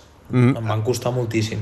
I t'has hagut de, de preparar específicament per aquest re- repte o no? Perquè tu has, aquest any has participat a la CCC, si no m'equivoco, de la UTMB, és a dir, ja Sí. venies d'un entrenament eh, previ per fer 100 quilòmetres a, a la UTMB. Eh, mm, llavors, eh, clar, no sé si això ja t'ha servit o, o l'has preparat eh, més específicament. Aviam, l'entrenament específic per UTMB que vaig fer no, no va ser res a veure amb el que vaig fer aquí perquè és, és parlar de coses super diferents. Uh, jo no havia estat mai allà a Chamonix i a mi la CC em va sorprendre perquè bueno, al final és una carrera m- entenc que et parlo de ritmes que vols competir eh, són molt ràpids, jo vaig fer 14 hores mm. sembla que vaig quedar al 90 de la general i clar, vaig al·lucinar perquè en tot moment la carrera vaig estar corrent sí que és veritat que vaig tenir un problema amb l'orina que jo el vaig explicar que bueno, va, vaig tenir una infecció de l'orina i al quilòmetre 50 a Champelac vaig estar fent bueno, vaig estar, em va estar sortint sang de l'orina i això em va fer frenar una mica el ritme però en teoria fins a Champelac anava per fer 13 hores 13 hores pelades, 13 a poc. Inclús a Champelac vaig arribar amb uns 15 minuts per sota de les 13 hores, que és el que volia fer. Llavors, clar, la comparativa d'entrenar per Chamonix, entrenar allà era totalment diferent perquè just els mesos previs a Chamonix sí que vaig fer un entrenament molt específic per Chamonix, que al final era fer molt volum de quilòmetres però a uns ritmes molt ràpids. En canvi aquí sí que és veritat que abans de Chamonix ja havia començat a preparar el repte aquest i just després de Chamonix vaig fer un segon bloc on vaig buscar doncs, eh, sumar més volum amb una intensitat molt més baixa però un terreny més tècnic. Mm -hmm. eh, el teu Strava ho marca, eh? 110 quilòmetres, 8.854 metres Correcte. de desnivell positiu, 19 hores, 14 minuts. Eh, clar, Mhm. -huh. no sé si és més dur això que fer una cursa similar amb, amb mètriques eh, similars, és a dir, el que parlaven, eh? eh ara fer una CCC o fer una Ultra Pirineu, uh -huh. que són... No, no, eh, jo, jo, jo crec que a nivell de... A nivell, mira, el temps que vaig fer, com si diguéssim, aquí a la Mola, equivalent a una Ultrapirineu seria estar en torn a unes 12 hores llargues pels ritmes. A nivell de duresa no té res a veure. I he corregut dos anys Ultrapirineu i, i el terreny no té, per mi no té res a veure. O sigui, aquí és la mola al final i la proporció de quilòmetres és molt més gros. Et podria equivaler a que he fet aquest any la travessa d'Encamp, que són 129 amb 8.200, jo crec que podria estar una miqueta per allà per allà els ritmes. Allà al final van, ens van retallar 10 quilòmetres, que ens van sortir 118 amb quasi 8.000, amb 7.800, i vaig estar fent unes 16 hores poc. Llavors, doncs, si fas una de càlculs, és pràcticament l'equivalent a el que vaig fer aquí, no? Però, clar, aquí al final érem una mica menys de quilòmetres i quasi mil i pico metres de desnivell, que quan portes 7.000 positius, 1.000 metres més són, són un rato. Eh, què és més cansat, a nivell físic o a nivell mental? De repetir el mateix camí eh, quan arribes al, a dalt de la mola, vinga, ara baixes, va, arribes a baix, eh, menges alguna cosa, t'habitua- t'habitualles i vinga, torna a pujar. Clar, les primeres pujades potser no tant, però quan em portes 10 o, i encara estàs a mig repte, eh, com, com, com t'organitzes mentalment per no caure en l'avorriment o, o, o caure no, una miqueta en aquell pensament de què, què estic fent? Doncs mira, jo crec que et donaré una resposta que en poca gent s'espera i és que per mi eh, el nivell de ser tan repetitiu és de les coses que menys se'm va fer passat Ara, et diré que té una explicació. Al final et podria dir que aquest any eh, ja ni me'n recordo dels cops que hi he pujat. Llavors és com... És algo que tenia super assimilat que anava a fer i al final havia fet ja entrenaments de 10 pujades amb un entrenament normal i se'm feien còmodes, se'm feien, em passaven ràpid. El que sí que et diria que per mi més dur que, i que més patia va ser la baixada.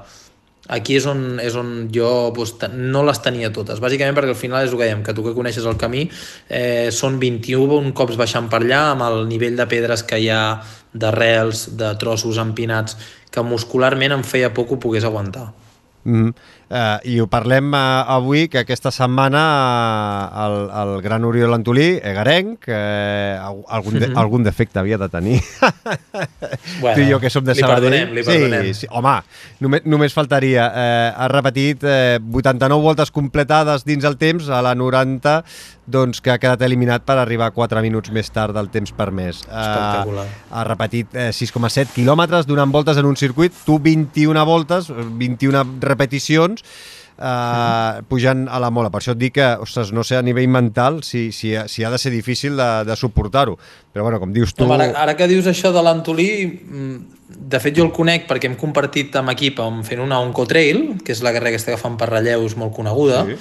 i, i vam estar parlant i ell m'ho deia, diu, ostres, diu, diu a tu això de les, de les baguiers eh, se't donaria bé i, i, i jo el conec d'haver compartit amb ell i, i hosti, fa temps que ja no vull provar-ho, però ja tinc alguna backyard d'aquestes que em va rondant per aquí, per aquí al cap.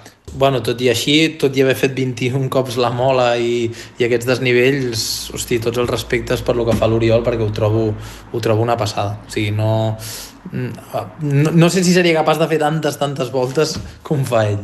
Uh, bueno, de fet ja ho hem dit al principi del, del podcast, uh, així que recuperi, que torni a ser i que descansi, que dormi una, uns quants dies, uh, parlarem amb ell i, i ens explicarà com, com ha viscut aquesta aventura. Uh, a veure, més cosetes. A nivell logístic, a nivell de material, alimentació... Mm. No sé per on vols començar. Per, comencem pel material. Uh, has utilitzat sempre les mateixes sabatilles, la mateixa roba durant les 21 pujades o t'has canviat eh, no sé, de sabatilles per, per anar més còmode? Sí, a, mira, a nivell de material, eh, a nivell de sabatilles, per exemple, vaig anar amb les mateixes sabatilles i els mateixos mitjons tota la pujada. T'haig de dir que em va sorprendre perquè normalment amb carrera no em canvio, si puc faig un canvi. Sí que et diria de fa uns anys enrere com poder era un corredor una mica més lent, em canviava i m'ho prenia més amb calma, ara el competir una mica més en sèrio, et dic que, per exemple, a UTMB no vaig canviar res de material i aquí, com, com ho vaig prendre una miqueta amb la filosofia de com si fos una carrera, doncs tampoc vaig canviar. Sí que és veritat que vaig estar provant un model de sabates, que és la Salomon, la S-Lab, la Genesis, uh mhm. -huh. que feia molt temps que anava darrere i la vaig provar anteriorment uns dies i em va semblar espectacular, Tenia el meu dubte de veure com reaccionaria amb tantes hores perquè no havia fet cap ultra amb elles, però ja et dic, van anar passant els quilòmetres i és de les conclusions que he tret després de l'Everesting, perquè n'he tret vàries, de fet me les he apuntat en una llibreta i tot, i una d'elles és lo de les sabates, que em van, em van semblar espectaculars i he tingut zero mal de peus, no he tingut cap llaga, no he tingut cap butllofa ni cap cosa rara. Després, a nivell de roba, sí que vaig fer un parell de canvis de roba, pel tema doncs, de que en, el, en aquest parc és molt conegut perquè hi ha molta humitat i vaig suar molt i després em vaig tenir que canviar evidentment per abrigar-me pel tema de la nit, doncs posar-me la tèrmica, el paravent i això. I a nivell d'alimentació, com tu feies? Menjaves a final de cada baixada, diguéssim, abans de, la, de, de, de repetir, sí. o menjaves mentre pujaves per no perdre gaire temps? Com, com tu feies? Mira, a nivell d'alimentació vaig intentar complir, que crec que ho vaig complir pràcticament fins al final, d'estar fent una ingesta d'uns 90-95 grams de carbohidrats l'hora, que és bastant, però al final és el que jo estic acostumat, que això sí que és el consell que jo dono, que és algo que s'ha d'entrenar i que jo ho entreno molt. Llavors, el que vaig fer la planificació va ser cada dues hores eh, intentar fer una paradeta de 5 minuts menjant una miqueta eh, més sòlid, que no fos doncs, coses artificials com són els gels i això, i llavors cada pujada pràcticament arribant a dalt el que feia era una ingesta d'un gel. I després cada quatre baixades, o sigui, feia blocs de dos i després, o sigui, dos, dos, que eren quatre, doncs aquests quatre feia una parada més llarga amb menjant més sòlid, que ja ve ser, doncs, sobretot una font gran de, car de carbohidrats, doncs, com és arròs, eh, patata, també sóc una miqueta com els Yankees i menjo doncs, Pringles, coses d'aquestes, i ho vaig, ho vaig dividir una miqueta així, no? Fent blocs de 2-2, que en total eren 4 uh, enganyar el cos i menjar alguna guarrada d'aquestes, escolta, uh, uh, no sé si potser algun nutricionista ens matarà, però, escolta, puja l'ànima, puja l'ànim i, sí, i et venen ganes de continuar corrents. uh, escolta, quantes persones t'han donat un cop de mà a nivell logístic que, que, que han estat al teu voltant durant aquest eh, challenge?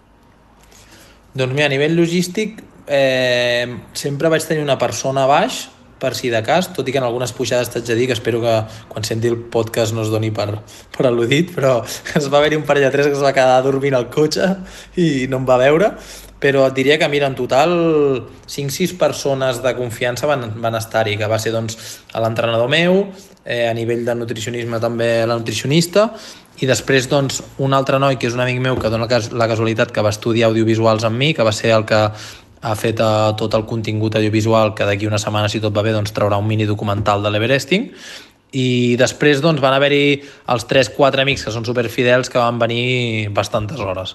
Quan, ara que parlaves del documental, eh, a les teves xarxes, que les eh, deixarem a les notes del capítol uh mhm. -huh. perquè la gent et pugui seguir a Instagram, eh, on podrem veure aquest documental quan, quan estigui llest?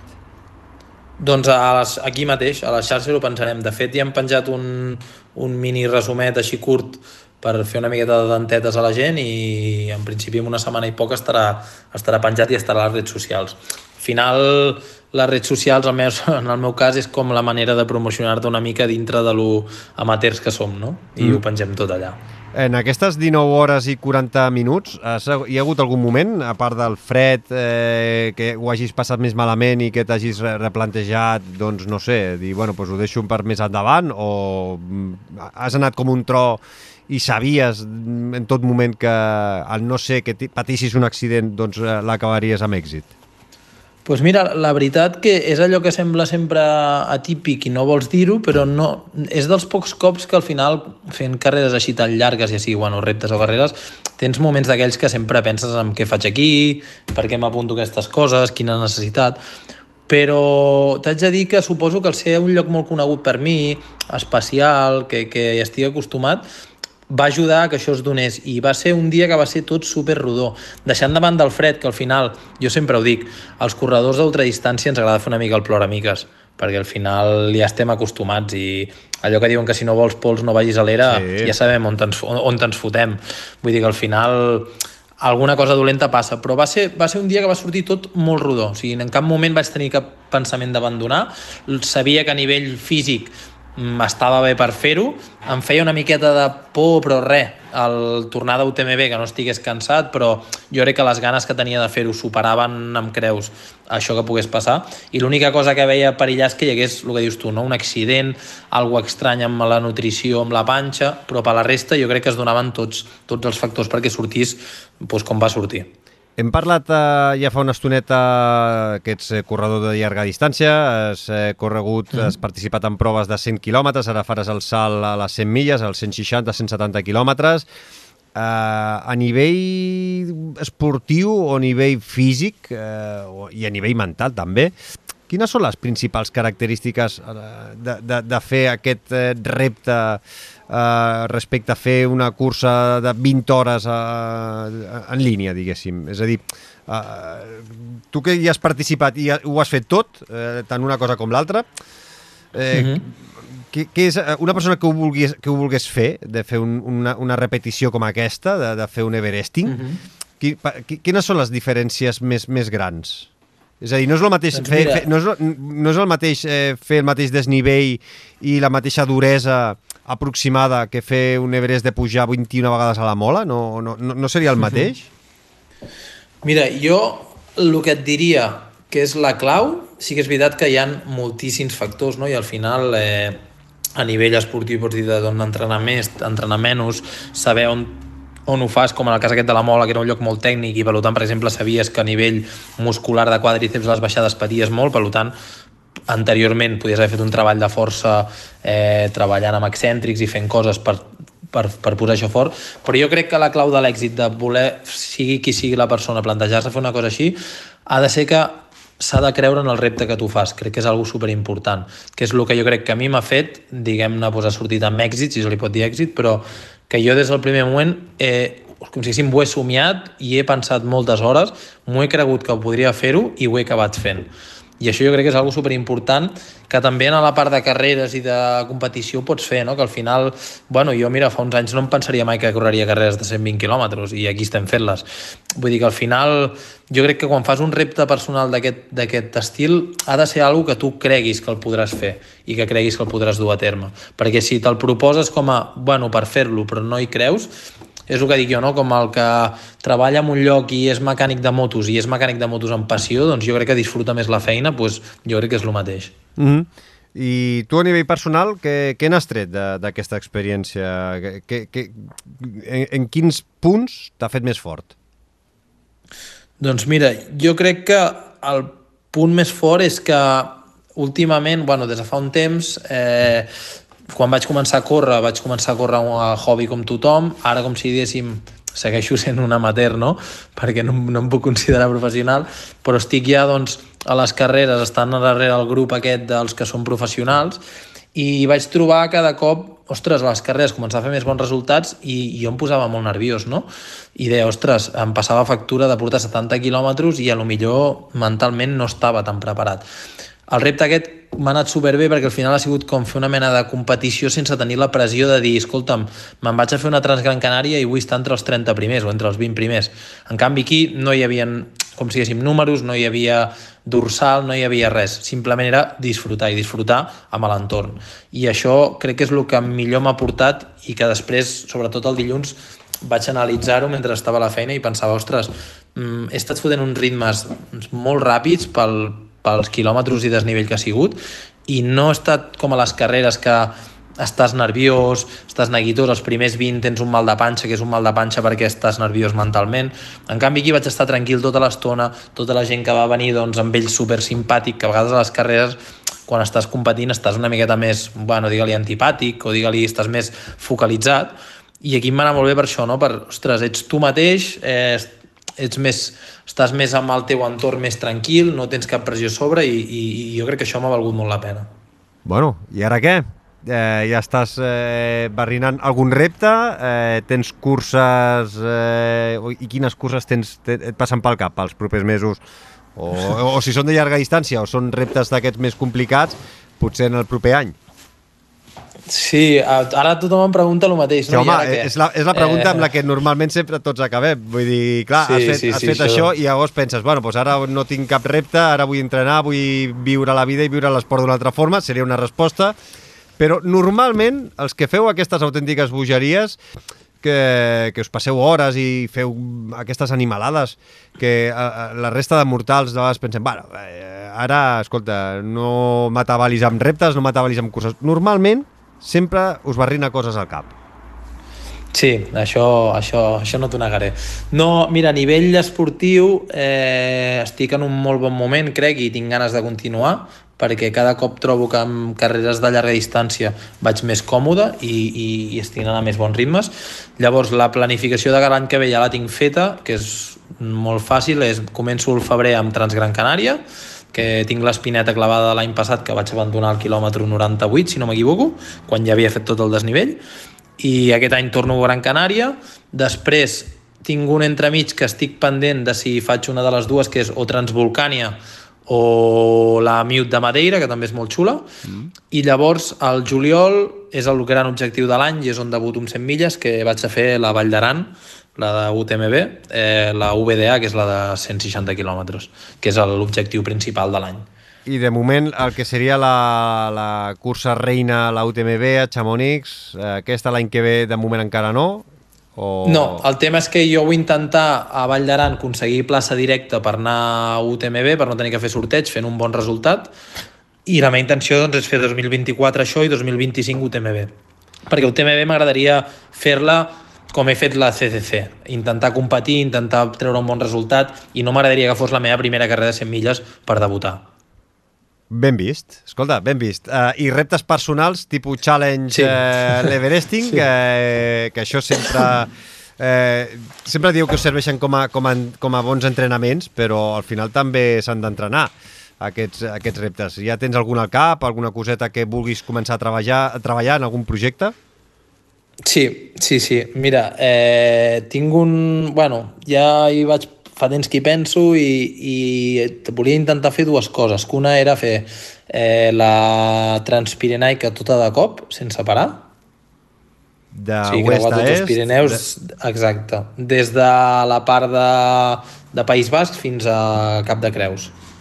És un bon Això repte. és una aquest. opció. Sí, sí, aquest és un bon repte. Sí, és una opció perquè a més, bueno, eh, poca gent ho sap, però si tot va bé tinc la intenció amb un parell d'anys, no, que seria el temps 2025, 2026, apuntar-me a la Tor de Geants, intentar la Tor de Geants.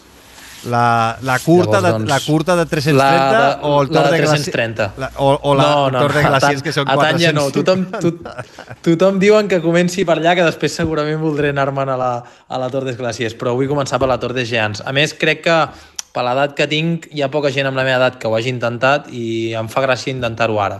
Quina edat tens, disculpa, Joan? Jo tinc 30, 33 ara. Bueno, encara tens eh, bona edat per córrer ràpid i, i, Exacte. i anar sumant mm. volum. Vull dir que... Correcte. Eh, jo crec que els que fan bons temps al Tor de Geants eh, tenen uns anyets més que, que tu, eh? Sí, exacte. I després, a part de la Transpirenaica, segurament no, et diria pràcticament segur. Eh, aquest, aquest any m'he quedat amb les ganes per un tema familiar que vaig tenir i no vaig poder fer-ho. L'any que ve tinc intenció de fer una ruta que és molt coneguda, que es diu la Joan Jovany. No sé si la coneixes. Sí, aquesta n'he sentit parlar. Doncs això, això és una, però això ja és una història, és una cosa molt alpina, molt, molt, molt, molt boja, diria jo. Doncs, eh, escolta, eh, Joan, eh, espero que vagi molt bé eh, aquests reptes. Anirem parlant aquí al Fer Muntanya, que sé que, que ets oient i, i que com que no pararàs anirem parlant. Uh, moltíssimes gràcies per aquesta estoneta, per haver-nos explicat eh, aquest eh, Everest eh, Challenge a, a la Mola, espectacular. Eh, no sé si tenies... Crec que no hi ha gaire gent que ho hagi fet, per tant, podrem dir que és, ets la persona que ho ha fet més ràpid, eh, no? La, és el que tens Sí, el rècord. jo crec que sí, sí, sí, sí, sí, pràcticament no, no conec gaire gent que ho hagi fet per aquí. Doncs eh, si algú vol fer, eh, ja ho sap, eh? 19 hores, 14 minuts, és el temps a batre. Eh, això sí, feu-ho sol, no emprenyeu gaire al parc, perquè si no, si no, vés a saber que no us treguin les sabatilles i hagueu de Sí. fer-ho descalços. Doncs, com deia, Joan, eh, moltíssimes gràcies per aquesta estoneta. A vosaltres. Enhorabona per, per haver complert el, te, el teu repte i que vagis eh, sumant quilòmetres, que la muntanya està allà i que gaudiràs a tope. Cuida't, una abraçada. Fins aviat. Una abraçada, fins aviat. Fem muntanya, l'esport outdoor en català.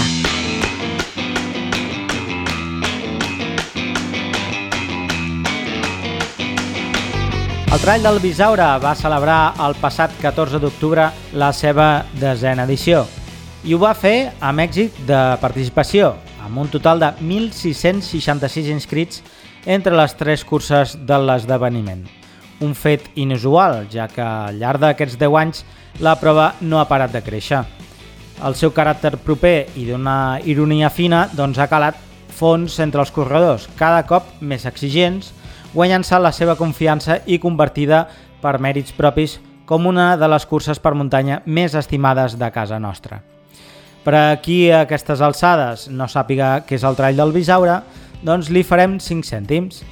L'esdeveniment transita per aquesta desconeguda zona del nord de Catalunya, situat a cavall entre les comarques d'Osona i el Ripollès. Un territori salvatge, ferèstec i humit, plena de corriols, camins i viaranys, amb raconades d'espectacular bellesa i d'un paratge digne de fades i follets. A més, qui es pensi que és una cursa amb camins ben trillats per córrer, doncs va ben equivocat. L'organització ja vella per a que aprenguis a apreciar la bellesa del Bisaure, però passant pels llocs més malparits, reforçats en algun cas per cordes fixes, per superar les dificultats d'un terreny que, si a més està enfangat, el festival és carnavalesc. I com va néixer aquesta idea tan esbojarrada? Doncs d'això en pot parlar i molt bé un dels seus caps visibles com és en Toni Font.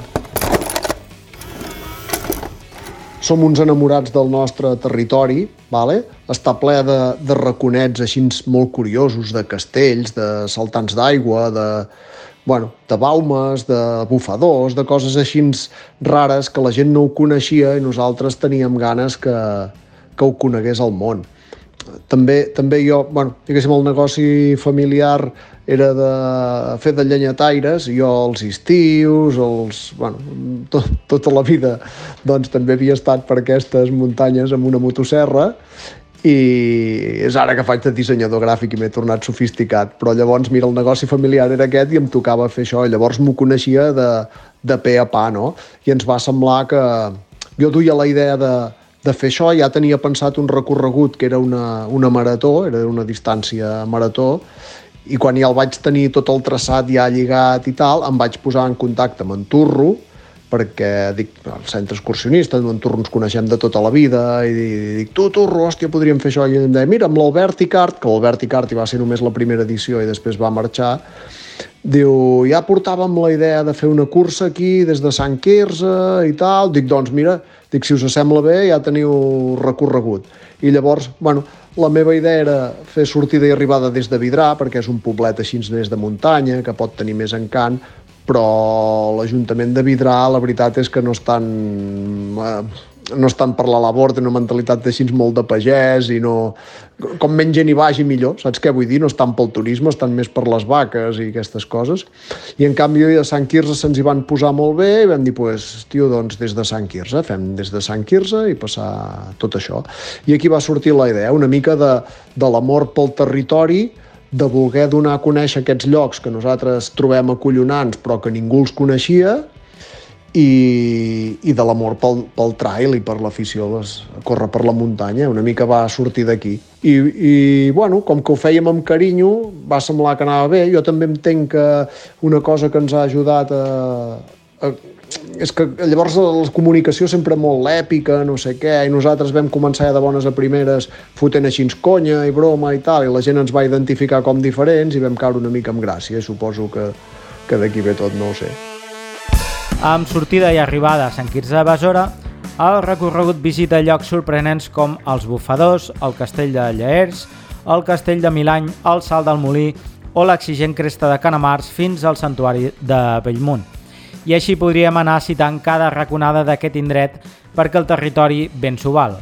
Si a més ho cuines amb tres recorreguts de 55, 27 i 14 quilòmetres i a més una marxa popular, i t'entregues en cos i ànima als seus comensals, doncs només pots treure'n forquilles Michelin. Perquè enmig de la muntanya doncs, podem trobar avituallaments convertits en un bar nocturn, amb cambrers vestits per l'ocasió oferint qualsevol beguda alcohòlica que s'apreci, una banda de rock amenissant el pas dels corredors o una rave amb música màquina i techno a tot drap. A l'arribada, i per acabar-ho de rematar, doncs caldrà fer l'últim esforç per creuar la línia d'arribada saltant alguns troncs tallats per l'ocasió. Això sí, el premi d'haver finalitzat es reconforta amb una bona cervesa a l'acabar. Segurament tots aquests ingredients tinguin la culpa de l'èxit del trail del Bisaure. O vosaltres què en penseu? Per què creieu que enganxa tant? Hola, jo vaig fer el trail de Bisaure i el recomano moltíssim. Per moltes coses, el circuit, que és preciós, per l'organització en general, pels avituallaments, molt bon ambient i, i molt ben assortits, hi havia de tot, i bé, sobretot, sobretot també perquè la samarreta que van donar és xulíssima. Realment felicitats, feu una gran cursa.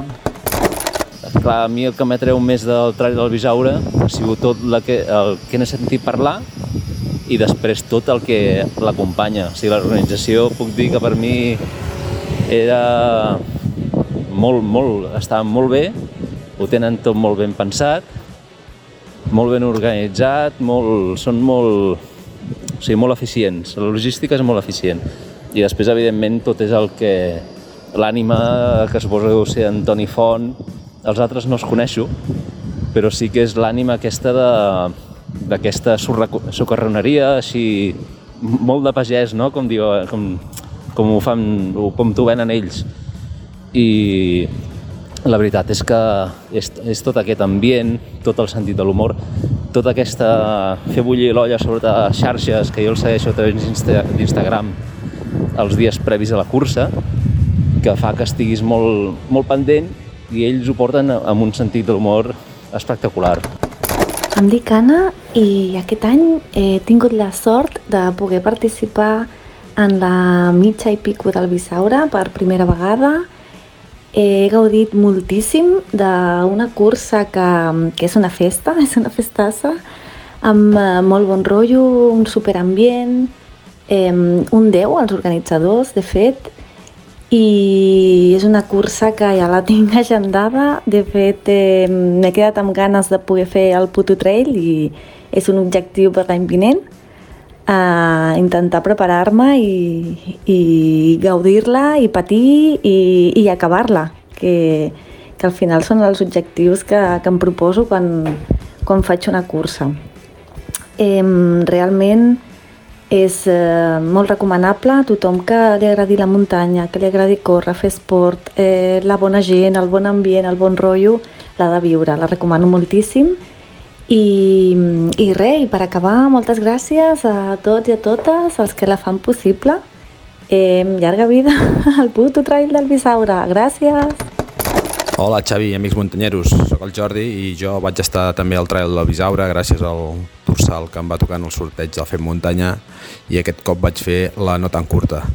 El que em motiva del Trail del Bisaure a mi és el bon rotllo que desprèn la cursa, tant els dies previs o els mesos, setmanes previs via Instagram, Uh, també en el moment de la sortida i els avituallaments sorpresa que et vas trobant i també uh, el que trobo que és molt, molt guapo és el recorregut, no? Ens fan passar per llocs molt macos, corriels molt corribles però a la vegada molt salvatges i això fa que sigui molt interessant i sempre et quedin ganes de repetir l'any següent. Vinga, una abraçada, adeu. Aquest any és el tercer cop que faig el Puro Trail Bisaure en la distància de 55 quilòmetres.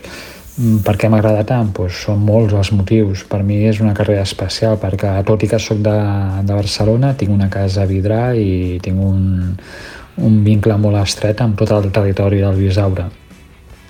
Per una altra banda, el recorregut cada any el fan diferent, molt exigent tècnicament, cada any es van superant, jo crec, i no deixa de ser un repte per mi fer-lo cada any i per un altre tema com, com el que diu tothom no?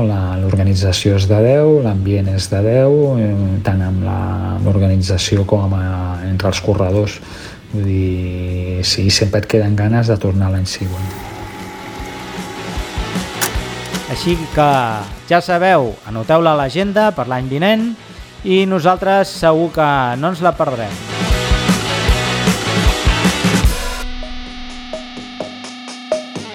Fem muntanya. En la lluita contra l'addicció, la nostra veritable tasca consisteix, de fet, no tant a assenyalar els efectes destructius de les conductes addictives, sinó a revifar la consciència de la perfecció que sempre ens evita. Marc Cornet, com estàs? Veig que avui has entrat fort, eh?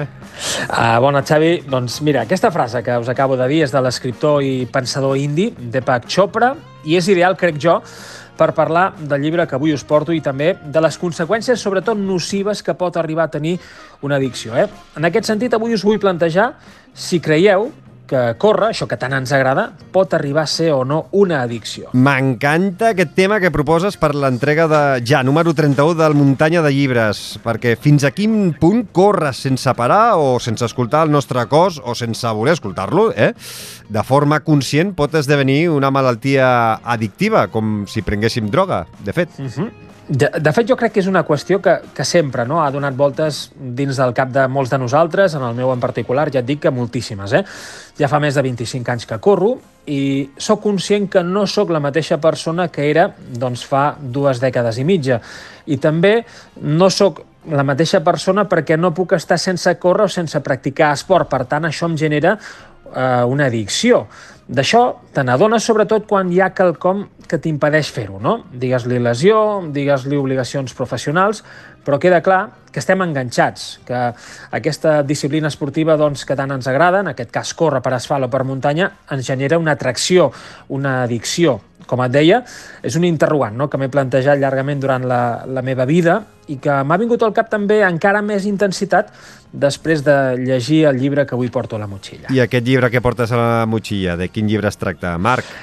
Mira, crec que us en vaig parlar, us el vaig esmentar ràpidament en la darrera col·laboració. Es tracta dels dies bons de l'escriptora mallorquina Aina Fullana Llull. Un llibre que, pel que em deies mentre preparàvem el, eh, la, la col·laboració d'avui, no té res a veure amb el món de l'esport. Res absolutament a veure amb el món de l'esport, però jo crec que tot depèn de amb quin prisma doncs eh, ens mirem aquesta dèria nostra pel córrer. No?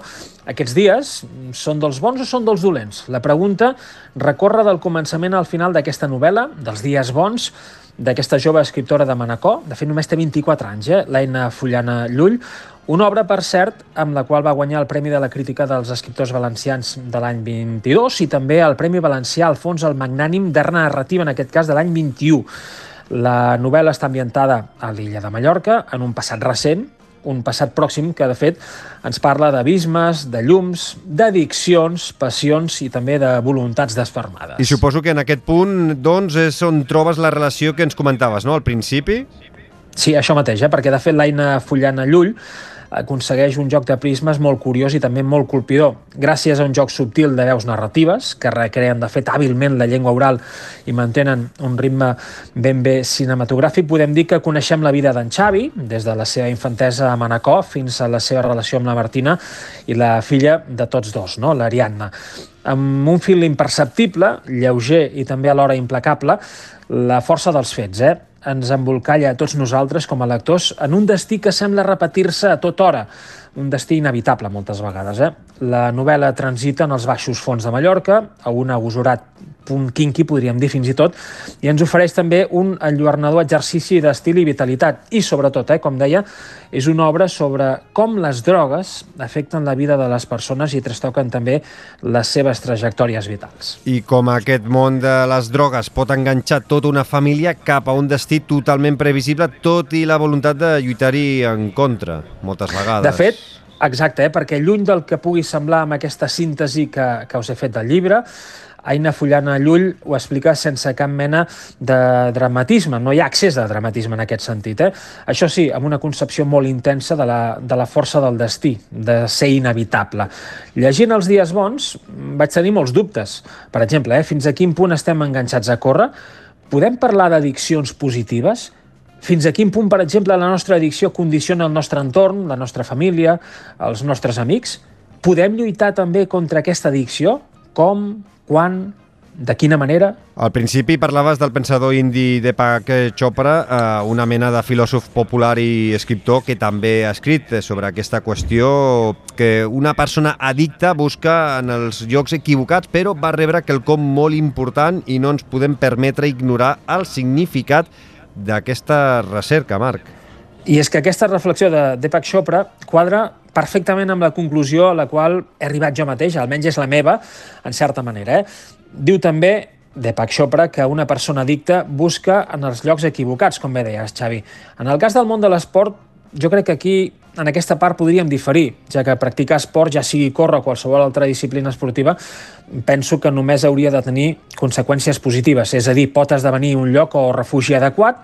La segona part de la reflexió que explicaves sí que la comparteixo en aquest cas al 100%, eh? perquè anem rere quelcom molt important i no ens podem permetre ignorar el significat d'aquesta recerca. De fet, la qüestió negativa és fins a quin punt aquesta recerca ens fa perdre el nord de la resta de la nostra vida, no? del que ens implica aquesta recerca. Molts de nosaltres no? coneixem amics eh, o amigues del nostre entorn que s'han abocat eh, plenament al món de l'esport fins a oblidar d'altres esferes també necessàries i vitals de, de la seva vida amb les conseqüències negatives que això pot eh, arribar a tenir però pel contrari també podem posar exemples de persones a qui l'esport ha estat una mena de refugi, una mena, no sé com dir-ho, d'illa per poder sortir de situacions mm -hmm. personals complexes, difícils, eh, amb, no? amb una paret al final del camí. Mm -hmm.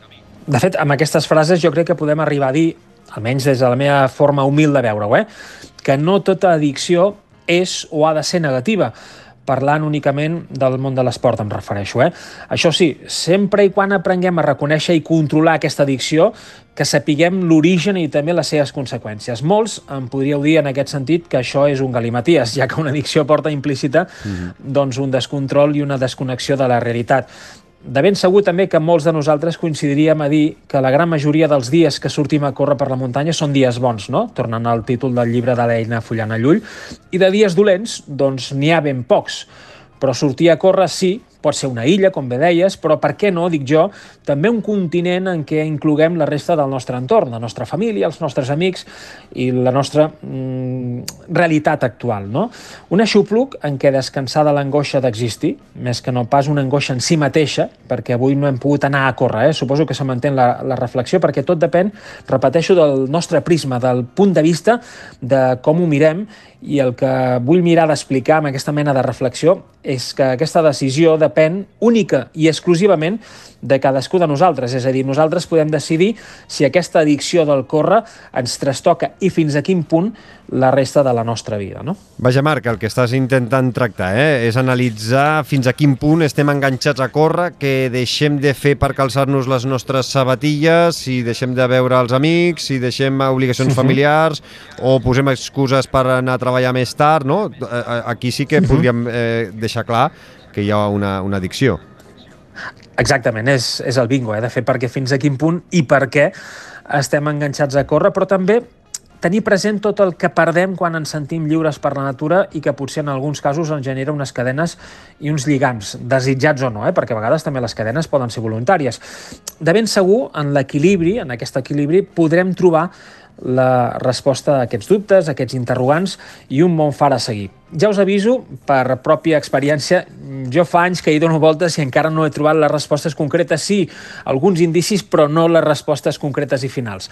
Soc conscient que córrer i estar en contacte amb la natura m'enganxa moltíssim, però encara també m'enganxa més si sóc capaç de compartir repeteixo el verb, eh? compartir aquesta addicció amb la meva dona i les meves filles. No? I en lloc de parlar d'addicció, jo crec que podríem parlar de passió. En aquest sentit, la pròpia Aina Fullana Llull també explica que el sentit de la seva novel·la doncs, eh, és escriure perquè suposa que la recerca d'un aixopluc en què pugui descansar de l'angoixa d'existir, això li generarà quelcom positiu. I afegeix també Aina Fullana Llull que la persecució d'un sentit, tot això dona sentit a la nostra realitat, a la nostra vida. No? En la seva manera de veure-ho, torno a obrir cometes, escriure és transformar en ficció no només les parts de mi mateixa, per l'Aina Fullana, sinó eh, aquelles parts també que necessiten una absterció, una catarsi, també totes aquelles altres parts que ja no existeixen i que es mereixen una oportunitat de fer-ho i un espai per conviure lliurement. I tanco cometes d'aquesta reflexió, que no és meva, sinó de l'autora d'aquest llibre. Doncs és una bona forma d'acabar aquesta proposta diferent eh, que ens has acostat avui a la muntanya de llibres. Aina Fuiana Llull eh, excel·leix eh, amb una novel·la sobre la redempció que en funció dels casos pot ser possible o potser impossible. De fet, jo crec, Xavi, que fins i tot podríem extreure una altra lectura dels dies bons ja per acabar, eh? perquè tal i com han fet alguns crítics després de llegir-la, i, per exemple, diu així, és que patir a la vida no serveix de res, excepte com a al·licient també per a l'experiència artística de la pròpia autora. No? De ben segur que, que en aquest sentit serien molts els que introduïem doncs, asteriscos i excepcions en el cas del món de l'esport i el que suposa patir i el que en podem aprendre però de les nostres addiccions, de les nostres fòbies, de les nostres dèries, segur que en podem extreure sempre conclusions positives.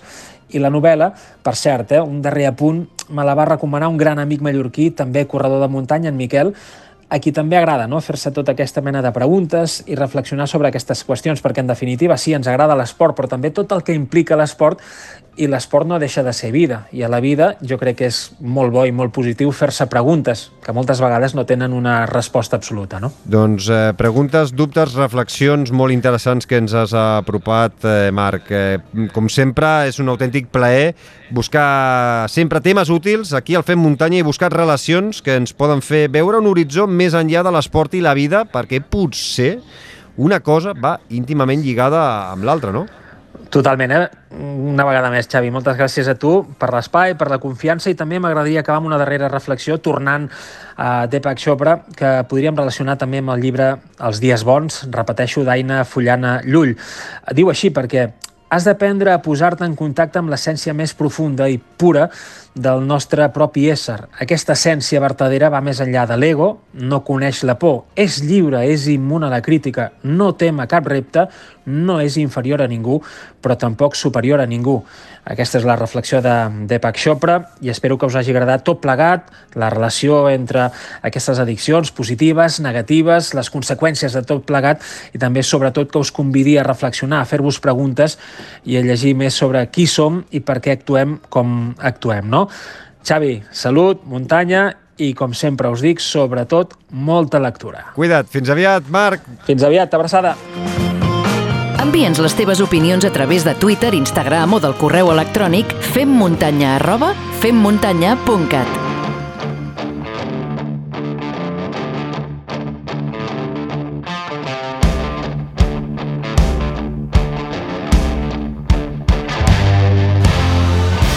Tornem a la consulta del nostre coach esportiu de capçalera. Ja ho sabeu, ja el coneixeu, el Guillem Marchal, que és llicenciat en Ciències de l'Activitat Física i l'Esport i Master Coach per la International School of Coaching. Molt bones, Guillem!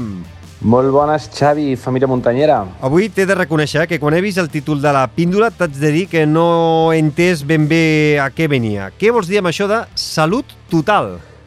Bé, eh, es tracta d'un joc de paraules tenint en compte que la setmana passada va ser el Dia Mundial de la Salut Mental i tenia ganes de parlar de, de com l'esport, l'activitat física i la muntanya a, a, ajuden en la millora de, de molts problemes de salut mental. No? Però madurant una miqueta més va, vaig pensar què collons salut mental? L'ajuda és integral per tota la salut i, i després em van començar a entrar a urticària de veure la, la hipocresia de la gent que mercadeja amb la nostra salut i que després va fent discursets i posant-se llacets i Vaja, merdes vàries, mm, saps? que veig que avui és un d'aquells dies en què no t'has pres la, la pastilla verda, eh? Que cabró. Eh, do- doncs mira, precisament va d'això la cosa. De pastilletes? Sí, sí. De que no entenc eh, per què s'entesta tothom a, a emmascarar i amagar les, les patologies tan físiques com mentals en comptes de solucionar-les. Segurament perquè tenen una eficàcia demostrada, no? Eficàcia per quan? Per, per un mes, per sis, per dos anys o per tota la vida? Que, que no pot ser una solució a llarg termini tot, tot i que ho entenc com a teràpia de xoc, eh? però, però que qualsevol patologia o malaltia, tots els esforços van a no sentir i no pas a, a curar o a guarir. Que, que mentre et vas prenent les pastilletes deixes de tenir dolor, però també deixes de ser tu i comences a perdre't el millor de tu mateix que existeix i potser ara està amagat rere el teu costat fosc, però que no et trobaràs mai amagat al darrere de fàrmacs. El que està clar, Guillem, és que els especialistes tenen més informació per decidir què fer en cada cas, no? Els especialistes i nosaltres som víctimes del sistema clientelar que té aquest estat amb les empreses farmacèutiques. I si bé és cert que en moments puntuals calen ajudes farmacològiques, no fotem que per tots és sabut que l'activitat física i que el contacte amb la natura són eines essencials per una bona recuperació i, sobretot, que perduri en el temps. Amb això vols dir que els metges haurien de prescriure activitat física i més contacte amb la natura? Rotundament sí, perquè jo ho he viscut. A mi l'esport i la muntanya em van salvar la vida. Ni el Prozac, ni els antidepressius, ni les amfetamines, res de res. Sortir, córrer, suar i respirar la muntanya, la natura. En els moments més foscos de la meva vida no hi va haver cap metge que fes el que va fer un bon amic per mi, que va ser recollir-me amb una pala per fer-me moure cada dia a la puta porta de casa meva fins que em canviava i sortia durant un any per adonar-me que no hi ha res millor per afrontar les adversitats que dedicar-te temps a tu, deixar volar els teus pensaments, agafar perspectiva, generar endorfines i ser capaç de prendre decisions. T'has fixat que acabo de descriure un dia qualsevol de la gran majoria dels nostres oients? Doncs la veritat, eh? Però totalment, totalment d'acord. Eh, el que potser llavors eh, ens, eh, no sé, eh, si potser ens tirarem al col·legi de psiquiatres i psicòlegs al damunt si anem dient que millorar la salut mental es pot fer al marge d'ells. Bé, és que jo no dic ben bé això. En el meu cas era evident que no hi havia una patologia diagnosticada i per tant la solució la tenia tan a prop com, com és dins meu.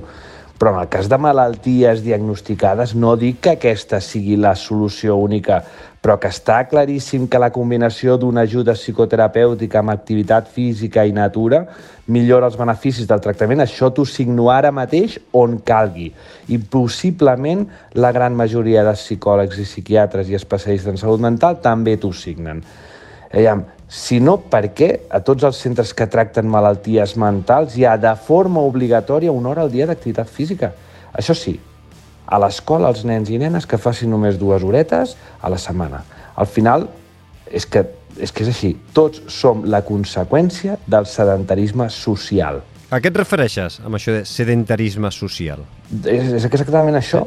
La gent no es mou i socialment està acceptat perquè ens importa una merda que els problemes més importants en nens i adolescents siguin els problemes mentals, emocionals, la diabetis i l'obesitat, i que en adults a sobre hi afegim les malalties coronàries i els infarts. Total, ja tinc un sistema de salut pública gratuït amb medicació subvencionada que ho solucionarà, ho solucionarà tot. La realitat, que no poden solucionar res i l'únic que poden és ajornar un final anunciat. Tinc la sensació que ens està quedant una píndola una mica dramàtica, Guillem. és, que, no, és que és la realitat. És que és indignant, però és que és la realitat. Un sistema sanitari col·lapsat amb llistes d'espera interminables i amb metges sense temps d'atendre com cal i de fer un seguiment acurat perquè no donen més de sí. Jo faria el mateix que ells amb els recursos que em donen. Pastilleta i a veure si fins a la propera tenim sort i no l'has palmat perquè la pastilleta em dona un resultat efectiu a curt termini, però és que els metges i metgesses, amb els recursos que els donen els governs, només poden aspirar a això. El qui dia passa any empeny, i si els governs segueixen aliats amb les farmacèutiques en comptes d'amb els professionals de la salut, els resultarà o sigui, el resultat serà que una capsa de pastilles et costarà un euro i zero esforç, i un gimnasta en costarà 40 i haver-hi d'anar. Això sí, eh? Després estem tots superconscienciats el dia de la salut mental, el dia de la diabetis i el dia de la fimosi, etc. clar. Llavors, eh, per on creus que passa la, la solució? Doncs no sé jo qui t'ho digui, sinó que ho faran els fem muntanyeros i fem muntanyeres responent a les següents preguntes. Mireu que senzilles, eh? Des que feu activitat física, us trobeu millor a nivell general? Teniu millor caràcter? Enfronteu millor les adversitats? Relativitzeu més i millor els contratemps? Han millorat les vostres relacions personals? Us veieu més forts i fortes per prendre decisions? Recordeu l'última vegada que us vau posar malalts? De fet, us poseu malalts tant com ho fèieu abans? Somrieu més? Esteu més actius i actives per fer el que sigui? La gent s'apropa a vosaltres i han millorat les vostres relacions socials? Us mireu al mirall i us agrada el que veieu? Dormiu millor? La qualitat del temps que passeu amb les vostres famílies és millor? Heu regulat millor el sistema digestiu? Teniu més apetència sexual i les relacions són encara més satisfactòries?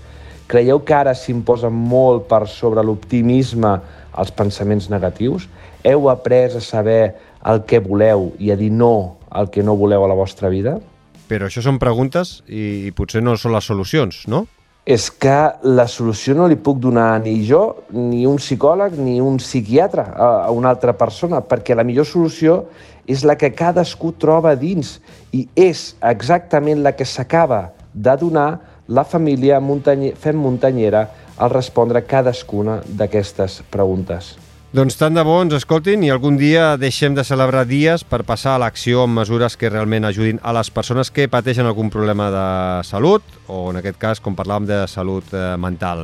Guillem, eh, no et prenguis cap pastilla verda, posa't la, calça't la, les sabatilles, eh, pantalons curts, eh, samarreta i surt una mica a córrer, que t'anirà molt millor.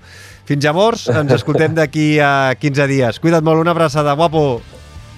Moltes gràcies, salut! I amb el Guillem Marchal arribem al final d'aquest capítol 98, que ens ha quedat, crec, molt interessant. Moltíssimes gràcies a tots per haver-nos triat un dia més. Si us ha agradat, no us oblideu de subscriure-us a qualsevol de les moltes plataformes que distribueixen el Fem Muntanya, ja sigui, per exemple, Spotify, Apple Podcast, Google Podcast, iVox o qualsevol eh, de les que feu servir de normal. Us podeu subscriure, activeu les notificacions i ja que hi sou, és gratuït, eh, podeu donar 5 estrelles, un m'agrada, un like i podeu compartir el capítol a les vostres xarxes socials. I si voleu escoltar converses abans que no es publiquin, eh, per exemple, estem ja treballant per eh, tenir a punt eh, ben aviat una conversa amb l'Oriol Antolí i que ens expliqui com ha anat aquesta final a les Backyard Ultra, doncs el que heu de fer és ser mecenes, donar-nos el vostre suport per tan sols un euro amb 99 cèntims al mes a través de l'enllaç que teniu a les notes del capítol. Uniu-vos també a la comunitat Fem Muntanyera a Telegram i no deixeu de visitar la nostra pàgina web. Abans d'acabar, però, vull llegir un correu electrònic d'un oient que m'ha fet molta il·lusió rebre i que feia un, eh, uns, quants, uns quants mesos que no ens escrivia. Ens l'envia el Pep Anglada i diu així Bona tarda, Xavi i companyia. Res, que fa temps que no us recordava com aprecio el programa i us animo a seguir. Conscient de l'esforç que feu per continuar, segur que com jo hi ha un munt de persones que us ho diuen, o potser no, però que ho pensen, de com estan del vostre projecte. Així que ànims i força i per mil programes més, la mateixa que ens eh, transmeteu vosaltres. Per cert, què millor que córrer pel Bisaure amb una Flying Burrito i amb eh, el Fem Muntanya a l'orella? Una forta abraçada. Ens enviava una foto al Pep on es veia ahir corrents pel Bisaure amb una Flying Burrito de color groc. Pep, eh, com et vaig eh, comentar, et vaig respondre en privat, moltíssimes gràcies. Eh, sempre fa molta, molta il·lusió rebre els vostres eh, correus, les vostres felicitacions, eh, el, vostre, el vostre agraïment, de fet, perquè és una miqueta la benzina que ens ajuda a tirar cada projecte, cada podcast, cada capítol eh, endavant eh, pots eh, enviar tants correus com vulguis, eh, seran benvinguts i sempre doncs, eh, intentem contestar a tots els possibles. Eh, de debò, Pep, una forta abraçada. Gràcies. Si voleu també, eh, sereu benvinguts, seran benvinguts els vostres correus electrònics a femmuntanya arroba femmuntanya.cat. Acabaré agraint la feina de tot l'equip eh, que ha fet possible aquest Fem Muntanya 98, el gran Guillem Marchal, el Marc Cornet, en Joan Monràs, l'Albert Torrent, tota l'organització de la Neo Rural i avui també com a protagonista principal el David Ariño. De debò, moltes, moltíssimes gràcies a tots per ser-hi. Una salutació de qui us ha parlat, Xavi Alujas. Com sempre, és un autèntic plaer acompanyar-vos. Tornem d'aquí a dues setmanes amb més històries i ja amb el capítol 99. Mentrestant, els mecenes aviat podreu escoltar una conversa, com he dit, amb el gran Oriol Antolí. Fins llavors, gaudiu i sigueu molt feliços amb salut, seny i, sobretot, molta muntanya! Subscriu-te al podcast de Fem Muntanya.